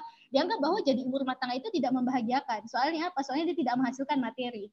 Nah, padahal kan kalau bagi kita sebagai seorang uh, muslimah yang jadi standarnya kita itu bukanlah uh, bukanlah ketika misalkan wah perempuan mampu untuk menyaingi laki-laki atau dan seperti apa tapi masya Allah Islam itu sudah memberikan penempatan yang memuliakan antara laki-laki dan perempuan yang Allah itu memberikan peranan kita itu sesuai dengan porsinya gitu sesuai dengan fitrahnya kita dan ini memang menjadi satu bentuk tantangan kita karena ya Eh, kita tidak hidup dalam sebuah bentuk sistem naungan Islam sebenarnya. Akhirnya kita itu terdidik untuk betul-betul jadi orang yang tujuan hidupnya itu bukan lagi untuk ibadah, tapi tujuan hidupnya itu adalah untuk mencari materi. Karena kita dipandang di tengah-tengah masyarakat itu dari aspek materi yang kita miliki, dari harta, tahta, pekerjaan, ataupun yang lainnya. Nah, sehingga di sini kita memahamkan individu dirinya kita dan berusaha untuk struggle agar peradaban kita yang hari ini bobrok dan rusak bisa jadi peradaban yang kembali kepada fitrahnya kita sebagai seorang manusia yang me, me, uh, yang kemudian tahu posisinya kita ini sebagai hamba di dunia hidupnya cuma sementara yang cuma numpang nebeng di buminya Allah doang. Gitu. Itu sih mbak kesimpulannya. Luar biasa mantep. Udah kayak dengerin podcast kata netizen tadi. Ya kan kesimpulannya luar biasa. Kalau dijadiin podcast luar biasa itu udah terkonklusikan sekali ya berarti ya. Kayaknya nggak perlu ditambahin lagi ya karena udah lengkap banget ini. Atau ada yang masih mau nambahin? Sudah, uh, Aku kebayang ini sih, Mbak, sedikit aja sedikit. Jadi mungkin tadi tips ya biar akhirnya para perempuan di luar sana tuh nggak bingung-bingung lagi. Aku ingin begini, aku ingin begitu gitu ya. Kita itu kadang-kadang terlalu banyak pengennya, terlalu banyak uh, maunya, terlalu banyak cita-citanya, tapi kita lupa untuk mencita-citakan kewajiban kita. Nah, sebenarnya sebagai seorang muslim kan kita punya kewajiban tadi itu ya, sebagaimana yang dijelaskan oleh dokter Rati. Nah intinya itu aja yang kita pegang. Artinya kita nggak bingung lagi harus jadi apa, pengen jadi apa. Yang penting kita tetap berpegang kepada koridor itu tadi.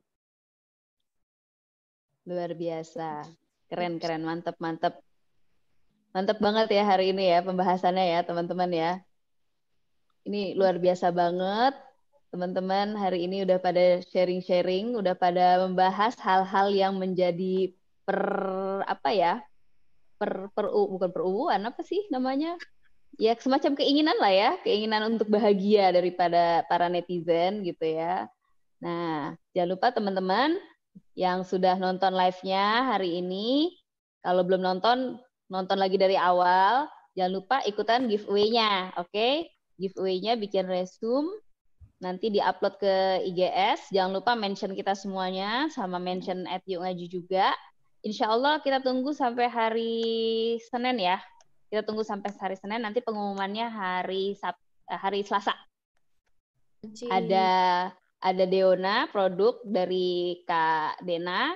Ada buku otak tanpa kotak dari Dokter Rati, sama ada buku Happy Healthy Food dari Kak Nadia. Yeay. Gitu. Yeay. Semangat teman-teman bikin resumenya. Kita jangan bikin bikin bikin resume kayak bikin buku ya.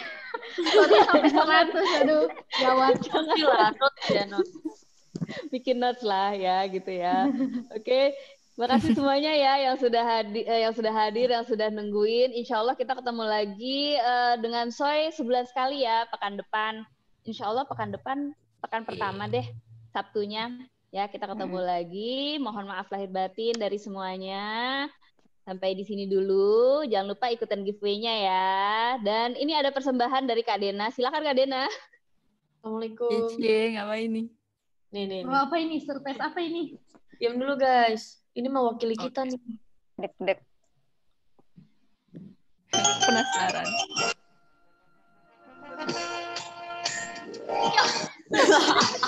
Kita seperti anak TK ya, yang terakhirnya tepuk-tepuk tangan Iya, iya, sebelum iya. pulang gitu kan. Ini ingat zaman dulu Sambil sambil baris, sambil baris. Kita harus keluar. Kan kalau itu ya film-film eh, anime itu kan kayak gitu, Mbak, ada closingnya gitu. Closingnya Iya, yang lagu-lagu closing-nya gitu. gitu ya. Iya, betul betul. betul, Kurang betul, lama, Den. Lagi menikmati padahal. Lagi Iya, menikmati. iya, iya. Lagunya udah selesai ya. Berarti kita udah harus keluar kelas ini. Belum selesai. Oke, oke, oke. Iya, iya, iya. nanti ada yang bilang ngaji apa ini. Terima kasih semuanya. Terima kasih semuanya. Assalamualaikum. Jazakumullah khair. Dadah. Assalamualaikum. Doraemon.